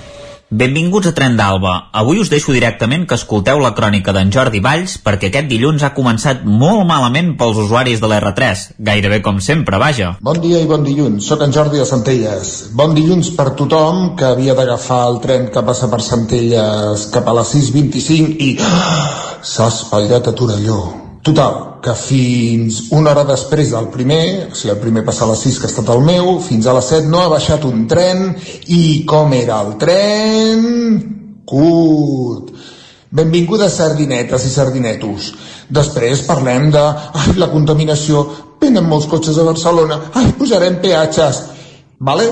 Eh, senyors de la Generalitat de Catalunya, espavilin, conseller, bon dia, que vostè va en cotxe oficial, si us plau, es podem treure que facin servir el transport públic, transport públic de fora de Barcelona, eh? perquè el de dintre de Barcelona realment funciona bé. Tot s'ha de dir, el metro funciona bé, Ferrocates funciona bé, la Renfe, la Renfe funciona bé.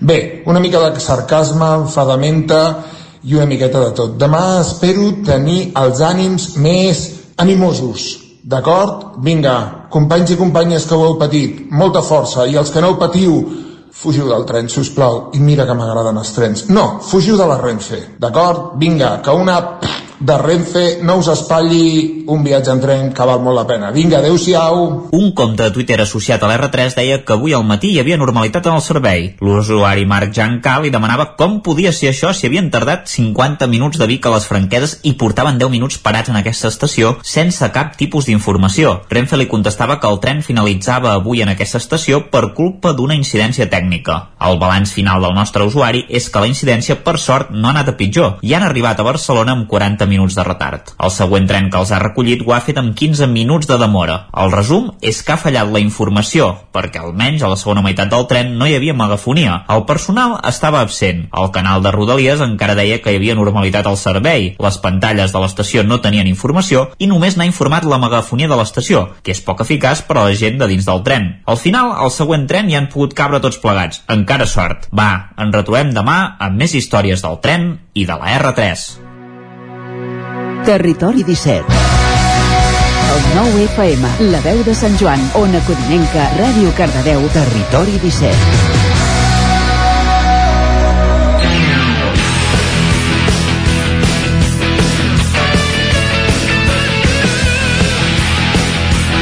Ara mateix 3 minuts justos i exactes que passen de dos quarts de 12 i entrem a la tertúlia esportiva, com cada dilluns, per parlar, per valorar com ha anat la jornada principalment futbolística del cap de setmana, però hem de tenir en compte que hi va ser una tarda esportiva interessant des del punt de vista dels culers i dels merengues, diguéssim.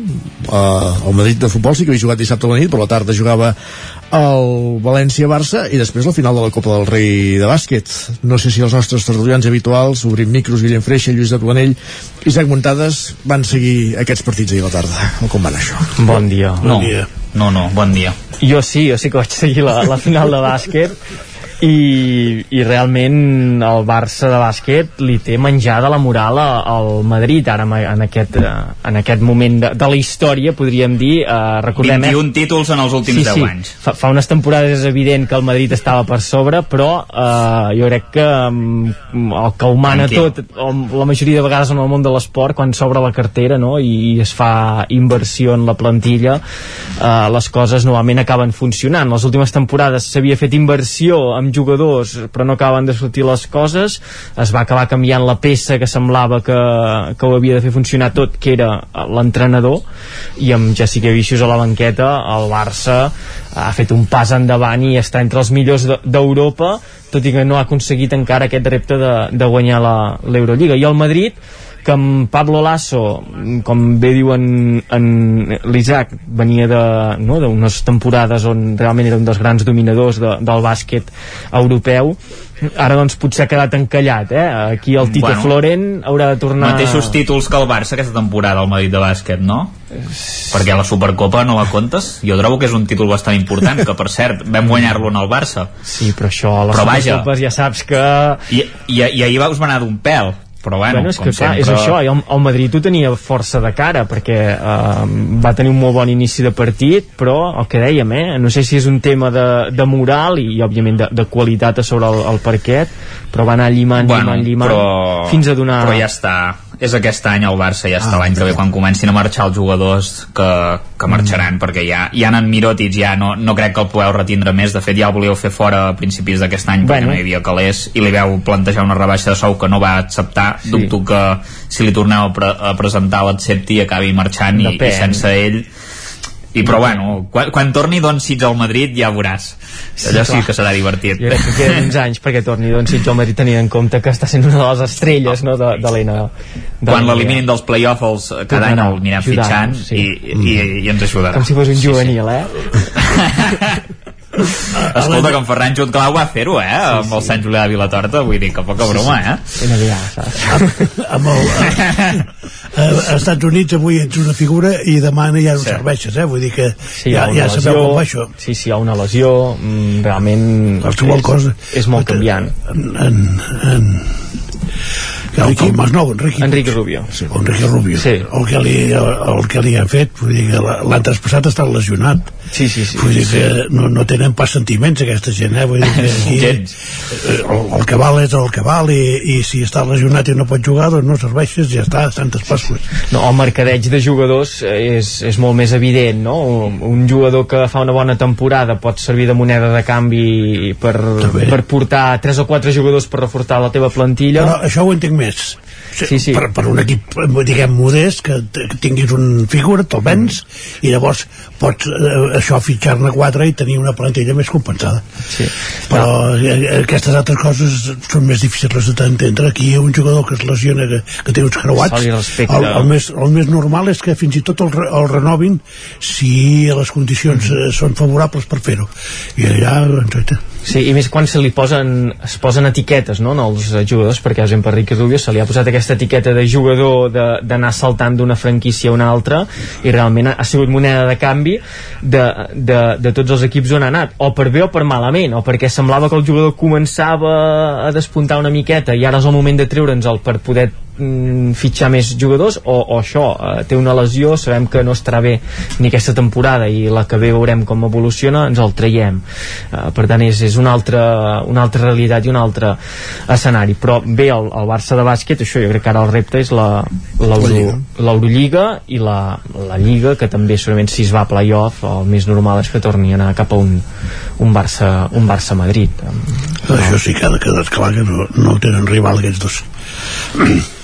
A les semifinals es va veure, vull dir que el Barça no va tenir algun no. problema més amb el Camp Múrcia, però el, el Madrid amb el Tenerife res, vull dir que són aquests dos els que se jugaran els, les garrofes. i els que hi entenen deien això, eh, que més enllà de la qualitat, que és, és evident que és superior del Barça i del Madrid amb, amb la resta d'equips, tot i jugar un partit, eh, també el que hi fa molt és el factor físic, que els, eh, partí, els equips de, de bàsquet que no són el Barça i el Madrid, la rotació que tenen no els hi dona per poder encadenar dos partits seguits o, o haver fet lliga eh, fa relativament poc, o alguns jornada europea i jugar a Copa del Rei bueno, que les plantilles també són les que són a una banda, a una banda i una altra Parlem de futbol.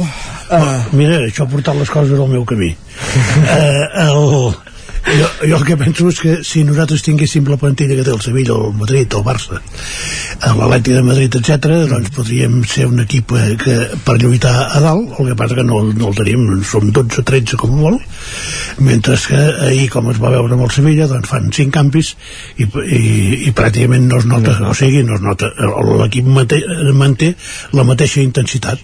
I això va passar amb el Madrid, i això va passar amb l'Atleti de Madrid, amb el Barça no tant, perquè el Barça està com està, però el, això vull dir, penso que s'ha de produir un eh, diguem un cop de cap per part de, de, de qui correspongui i invertir una mica en pangueta perquè si canviem la banqueta i tenim titulars eh, el, el, la suplència com tenen doncs, aquests grans equips els que van a dalt doncs jo penso que podríem fer una, unes bones campanyes com va quedar demostrat eh, dissabte o no, ahir. Ahir, ahir eh, que vam fer un bon partit contra el Sevilla vam jugar bastant més bé que, que el dia del Barça i bé, mm, allò que la piloteta no entra però sobretot eh, que això els canvis doncs, que vam haver de fer doncs, van ser els justets perquè no hi ha més plantilla. Que aquí és on, on s'ha de veure el projecte que té uh, el propietari de l'Espanyol per l'Espanyol perquè que, era la setmana passada que ho dèiem no? el fet de, uh, no sé, jugadors que estan despuntant Raúl de Tomàs o, o Sergi Darder que està fent una, una temporada uh, boníssima i realment s'està veient el, el gran Sergi Darder. Clar, a final de temporada molt possiblement arribaran ofertes no? per a aquests uh, jugadors um, què fas? Um, te'l vens, t'embutxaques els diners i uh, fitxes a, a dos o tres jugadors que et sembla, et sembla que et poden donar un perfil similar amb el risc que comporta no, el mantens i fas una inversió per un seu suplent que estigui una mica més a, a un nivell uh, similar vull dir, uh, les decisions aquestes són les que llavors acaben construint no? un, un bloc o un, un, ecli, un equip uh, és... Sí, sí, això és complicat això és complicat, eh? vull dir que uh, el Madrid d'alguna manera amb l'Ancelotti també es troba igual eh? o Isaac perquè bueno, en rotacions poques eh? Sí, no, això de les rotacions no, no li ha agradat, ja ho vam veure en la seva primera etapa que no era gaire fan de, de rotar i, i, aquella, i aquell any me'n recordo el segon any crec que va ser que va acumular 21 victòries consecutives o una cosa així, va perdre més talla i des d'aleshores tot va anar pel camí de, del Pedregà perquè es va perdre l'avantatge doncs, que tenia en les diverses competicions. I espera't. Però, però bé, ahir si més no a veure, va, va rotar Cross no va jugar ni un minut Cross vull dir que és un l'altre dia amb el Villarreal Modric em sembla que va, va jugar 10 minuts vull dir també a poc a poc. Jo crec que aniran entrant uh, alguns jugadors i jo el que vaig veure el dia de la vez és que el trident de davant que sembla bastant inamovible amb Benzema, Vinicius i, i Asensio si, si estan bé doncs va començar a funcionar sobretot a la segona part. El Madrid és un equip de segones parts em sembla que ha fet uh, més del doble de gols a la, a la segona part que a la primera perquè això indica que és un equip que va millor físicament als partits. Per tant això de les rotacions bueno, uh, si acabes millor els partits i ets capaç de, de, de sotmetre els rivals a, a les segones parts doncs doncs també tens molt guanyat i, i, i optimista també per la, per la Champions perquè l'altre dia el PSG també va perdre 3 a 1 en un partit que anava perdent 3 a 1 al descans contra un equip bastant mediocre per tant jo crec que penso que la remuntada és bastant possible. El Bernabéu 90 minuts i el Bernabéu són molt talongo. Ja ho va dir Juanito en el seu dia. Està clar que vau sortir vius de París. Sí, sí.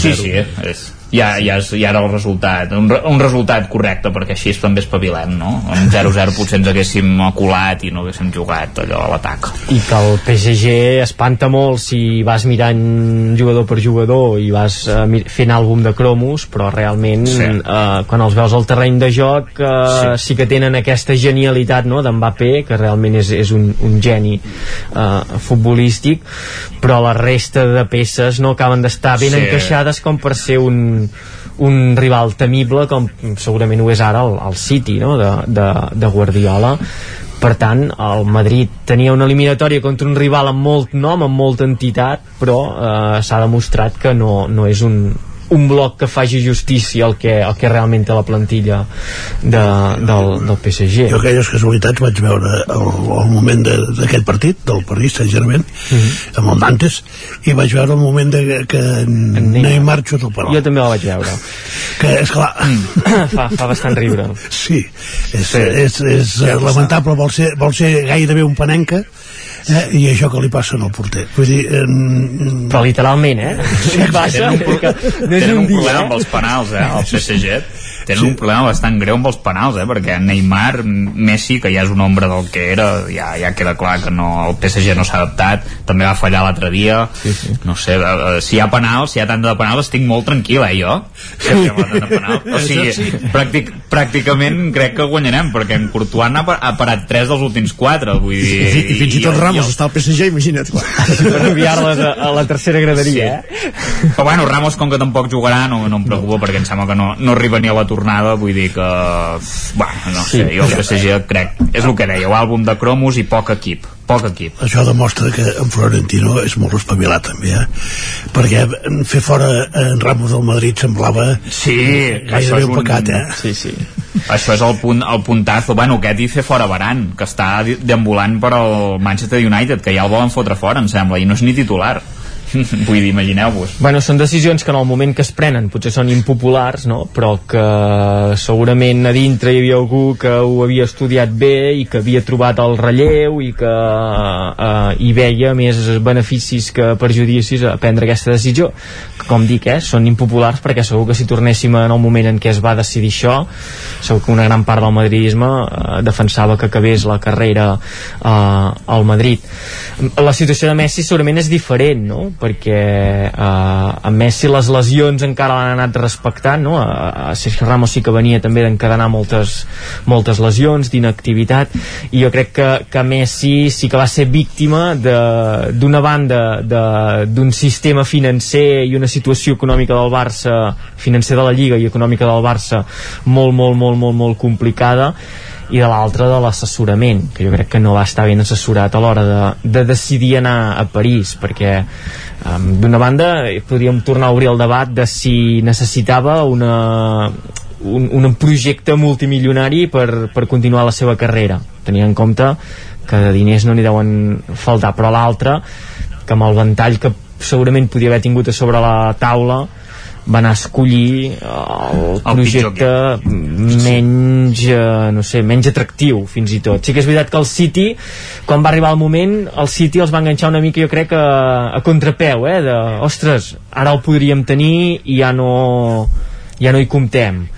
Però no sé, jo crec que ara en va sent conscient de, de l'errada. D'una banda d'haver marxat del Barça que com dic és, és entendible per, per el, el solar en què s'havia convertit el club però de l'altre que va anar a un projecte on jo crec que no s'hi troba còmode ni ell ni, ni el, la seva família ni, ni el seu entorn mm -hmm.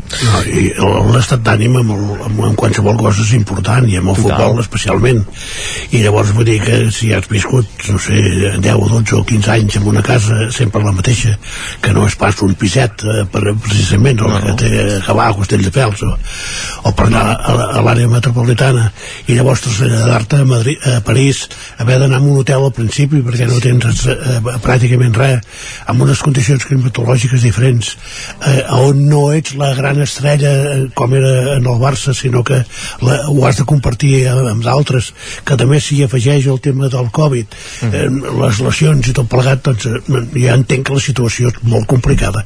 Ara que en, en Messi eh, es va fent gran i aquella punta de velocitat que tenia ja no, no la tindrà i no, no la tindrà amb cap cap equip això jo, jo diria que és sí. evident i pot, pot fer doncs, un, una part de temporada relativament bona, però jo diria que el gran Messi ja s'ha acabat. Sí, s'ha acabat, i segurament en, en clubs on el coneixen, digue-li el Barça sobretot, i és obvi, però també segurament un equip liderat per uh, Pep Guardiola, on hi, també hi ha uh, molta gent de l'entorn Barça i, històricament, se li hagués permès o se l'hagués sapigut redirigir cap a un altre, un altre rol, uh, digue-li més de, de passador, de assistent, de contemporitzar molt bé els partits en què juga. Um, bueno, jo crec que se li hagués, se li hagués pogut anar donant un enfoc diferent en aquest tram final de la carrera que jo crec que ell també ja, ara sí que n'és conscient que ja no pot ser el Messi de jugar eh, 40 i pico partits i marcar 50 i tants gols el que tens a la, a la rutina de Messi és això ja, i és el que li demana el PSG. Esclar, és el que esperes, naturalment. El PSG, qualsevol equip en és. Sí, però és el que et dic, el Barça i potser el City amb, amb el, diguem, amb el mentoratge de Guardiola, doncs potser s'hagués pogut reubicar cap a una altra eh, situació, això. Eh, doncs, ostres, entre si tenim Champions i Lliga en una setmana, jugues un dels dos i ja no et demanem que, que desequilibris i te'n vagis de 5 jugadors com feies abans, mm. sinó que busquis més l'assistència, la, bueno, que s'hagués pogut anar uh, reubicant. I el València-Barça, no n'hem parlat encara, València 1, Barça 4, amb aquests dos gols de Boameyang, n'hi ha qui diu un 3 perquè li va tocar l'espatlla el xut de, sí, de Pedri del quart, uh, bona primera part del Barça, no? I, i, i més encert que els últims partits, sobretot. Sí, que es va, el que dèiem, eh, que es va tornar a veure la versió bona del, del Barça, que aniríem veient aquests alts i baixos uh, en el que resta de la temporada, perquè el, el projecte uh, va madurant i es van encaixant les peces, aquesta setmana va tornar a, veure's la versió positiva de, del Barça. Un Barça que, que fa bé les coses en, en defensa que en atac és incisiu i li va marcar 4 gols a l'equip de, de José Bordalàs que um, normalment no es caracteritza per ser un equip dèbil uh, en defensa i es van trobar doncs, uh, associacions maques uh, amb Dembélé que va tornar a jugar que jo crec que tenint en compte que no va marxar que hi va haver aquell estir i arronsa aquella baralla, no? fins i tot podríem dir amb Dembélé i el club i l'afició s'ha quedat eh, és allò que a vegades passa amb els amics no? que et dius les coses a la cara hi ha un moment de tensió però al cap d'una estona quan tot s'ha posat a lloc tornes a anar a fer, a fer uh, cerveses mm, jo crec que Dembélé se l'ha d'aprofitar aprofitar si està aquí i llavors interessant eh, Aubameyang que ha entrat amb bon peu és un jugador que ha entrat amb, amb dos gols, amb, amb dues dianes en Lliga. A més, eh, quan el sents parlar doncs jo crec que ha encaixat bé en el, en el vestidor. Ha trencat des del primer dia perquè ja el coneixia la, la, la barrera eh, lingüística, en aquest cas el castellà, l'espanyol, però que vull dir que ja té aquest bueno, vincle... És que la família és castellana, eh? també em sembla. Sí, em Té sembla que... La família. I, sí i em sembla que estan molt vinculats a Sitges també, amb alguna casa de, de segona residència i, i, Andalu i Andalusia o allà també em sembla doncs sí. clar, això jo crec que també són factors que ajuden a, a que encaixi aquest, aquest futbolista i sí. res, fins a final de temporada però perquè aquest encaixa fins que desencaixa, eh? No, no, no. Perquè aquest eh, sol acabar malament a tots els equips on va, com ha bueno, acabat ara malament, eh, abans de marxar, eh? Sí, sí, sí. Vull dir que... Mm... Però aquí potser, sí. qui, qui ens diu que això, que en un entorn on s'hi troba còmode, on veure, és protagonista, doncs... I, ja porta més gols que, que Messi, per exemple, a la Lliga Francesa o Aubameyang en un partit, no? Vull dir que amb això, mira, ja si més no, si li contem el, el tercer gol, eh, que que bueno, que no, podríem no, dir que poder és, és allò de que és un xut i la força és de Pedri però bueno, sí, uh, en el seu moment se li va comptar un gol a Cristiano Ronaldo no? també d'aquesta manera que bueno. va tocar l'esquena de Pepe. Cristiano jo crec que trucava uh... de totes maneres avui he llegit el Superdeporte que és el diari esportiu de, de València. De València. I, I Draco no també. Sí, i molt contents amb la amb la defensa de València no estan eh, recorden que des del mes de desembre abans, o sigui l'últim partit que van jugar va ser la jornada anterior que van perdre amb l'Espanyol a casa, amb Estalla de 1 a 2 i llavors no han guanyat cap més partit no, no, estan en un eh? vull dir que eh, la situació de València sí. també per ells és desesperant i llavors aquells fores de joc aquelles línies que del bar que és una sí. de les coses que hi haurien de, de parlar aquesta setmana perquè Però... hi, ha, hi ha hagut algun paral aquesta setmana que també n'hi ha per, per, llogar-li cadires eh? Però línies del bar en quines et refereixes ara? El fora de joc.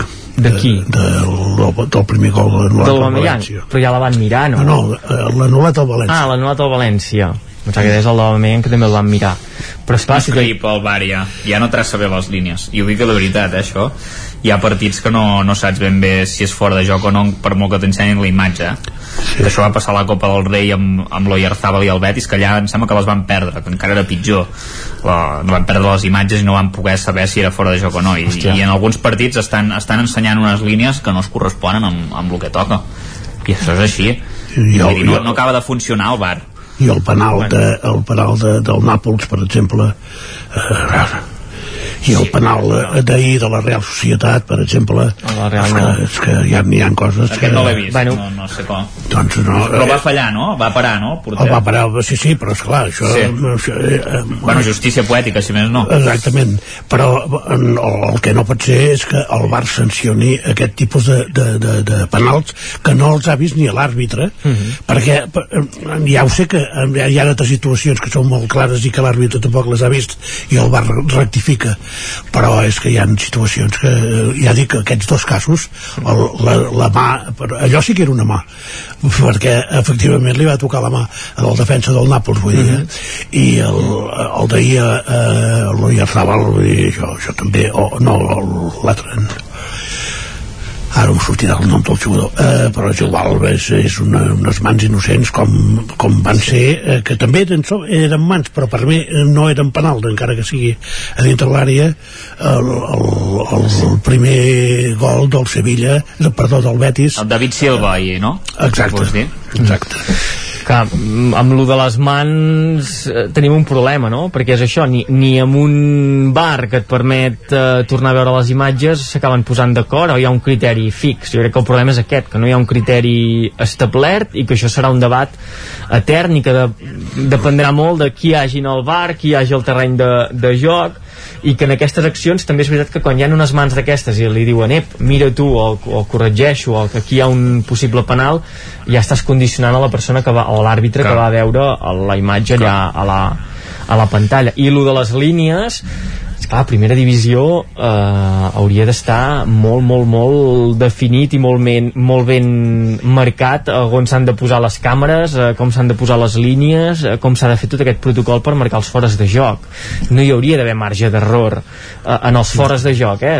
Estic, estic eh, Està parlant. sí, sí. No, no té cap sentit, llavors. Sí, a cap, per exemple, a segona, a segona divisió sí que el que sol passar a vegades és que com que per estructura no hi havia les càmeres eh, on havien de ser, hi havia alguns camps on la càmera que es feia servir per marcar les línies no estava ben bé en la zona del fora de joc i sí que deixava molts dubtes de, de, què, de què passava. Però és clar, primera divisió amb els recursos que hi han i l'aposta que s'ha fet amb el VAR que això no es faci eh, realment és, és, és preocupant. I, i, i és que valdria més que no ho fes que no hi fot el bar perquè esclar i... No, però per exemple amb el fora, amb el fora de banda no, del, que llavors acaba amb gol la jugada del València ah, sí. allà sí que funciona i és, és útil no? El, el... Però aquest l'inútil és en línia eh? sí, sí, Bé, sí clar no, no veure allò perquè una, una cosa és justet una cosa és justet i l'altra cosa és un pam i mig però és l'error humà corregit pel bar aquí era un error humà flagrant no? I, i ho va aconseguir mm, corregir no sé uh, crec que això, que el bar ha de servir per, per aquest fet i que el que no s'entén és que continuem havent-hi debats tot i tenir el, el bar en, en, en fores de joc sobretot és el més, el més sorprenent les mans, jo crec que, que serà un debat que anirem arrossegant. I el Barça-Nàpols Mm, clar, si no mm, l'efectivitat no és la normal és molt difícil guanyar un, un partit i bueno, eh, serà complicat passar, no, no ens enganyarem eh, anar... Sí. No, i ahir van fer un parell de Ferran Torres que si no hauríem guanyat el partit nosaltres contra el Sevilla d'enviar-la sí. exacte, fer un Ferran Torres eh? ja queda Sí. sí. No, el nano les, les va tenir, però no, no les va saber endreçar. Sí, noi. Emprenya perquè va ser tan repetidament, no? Amb un partit tan dos, tres vegades eh, claríssimes i que és una eliminatòria, que per tant eh, anar amb un o dos gols d'avantatge o no anar-hi amb cap eh, bueno, canvia molt la, la història però sí que el Barça va demostrar que té capacitat per superar el, el Me Nàpols. me n'alegro que els gols de camp contrari no tinguin doble valor en cas d'empat, eh? Això sí que t'ho haig de dir. Sí, és, bueno, és una regla que jo quan, també, jo també quan t'afavoria Sí, ja, ja, ja, però vull dir, encara que, que un dia t'afavoreix, sí. jo ho trobo injust. Vull dir que si un partit acaba empatat, doncs... Empatat, empat. Exacte, sí, sí. empatat, o, o penals, o, o pròrroga, o el que, el que sigui, uh -huh. però no, eh, allò que has fet dos gols en camp contrari, i un, per gent, que sigui d'aquest penal, eh, d'aquesta manera com, com es va produir, doncs en, en, encara ho trobo més injust. Mm. Vull dir que si hi ha igualtat amb tot, doncs eh, no, la cosa ho ha de decidir- s'ha de decidir d'una altra manera. Doncs ho deixarem aquí i la setmana que ve parlem de com evolucionen aquests partits dels propers dies. Gràcies, Lluís de Planell, Guillem Freixa i Isaac Muntades. Gràcies, bon dia. Adéu, bon dia. Adéu. I acabem també el territori 17 d'aquest 21 de febrer de 2022. Dilluns, Pep Acosta, Caral Campàs, Guillem Sánchez, Víctor Palomar, Òscar Muñoz, Núria Lázaro, Esther Rovira, Adrià Oliveres, Isaac Muntades, Guillem Freixa, Lluís de Planell, Jordi Sunyer i Isaac Moreno. Us hem acompanyat des de les 9 del matí. I tornem demà a la mateixa hora. Adéu-siau. Bon dilluns. Territori 17, un magazín del nou FM. La veu de Sant Joan, Ona Codinenca i Ràdio Cardedeu amb el suport de la xarxa. El nou FM.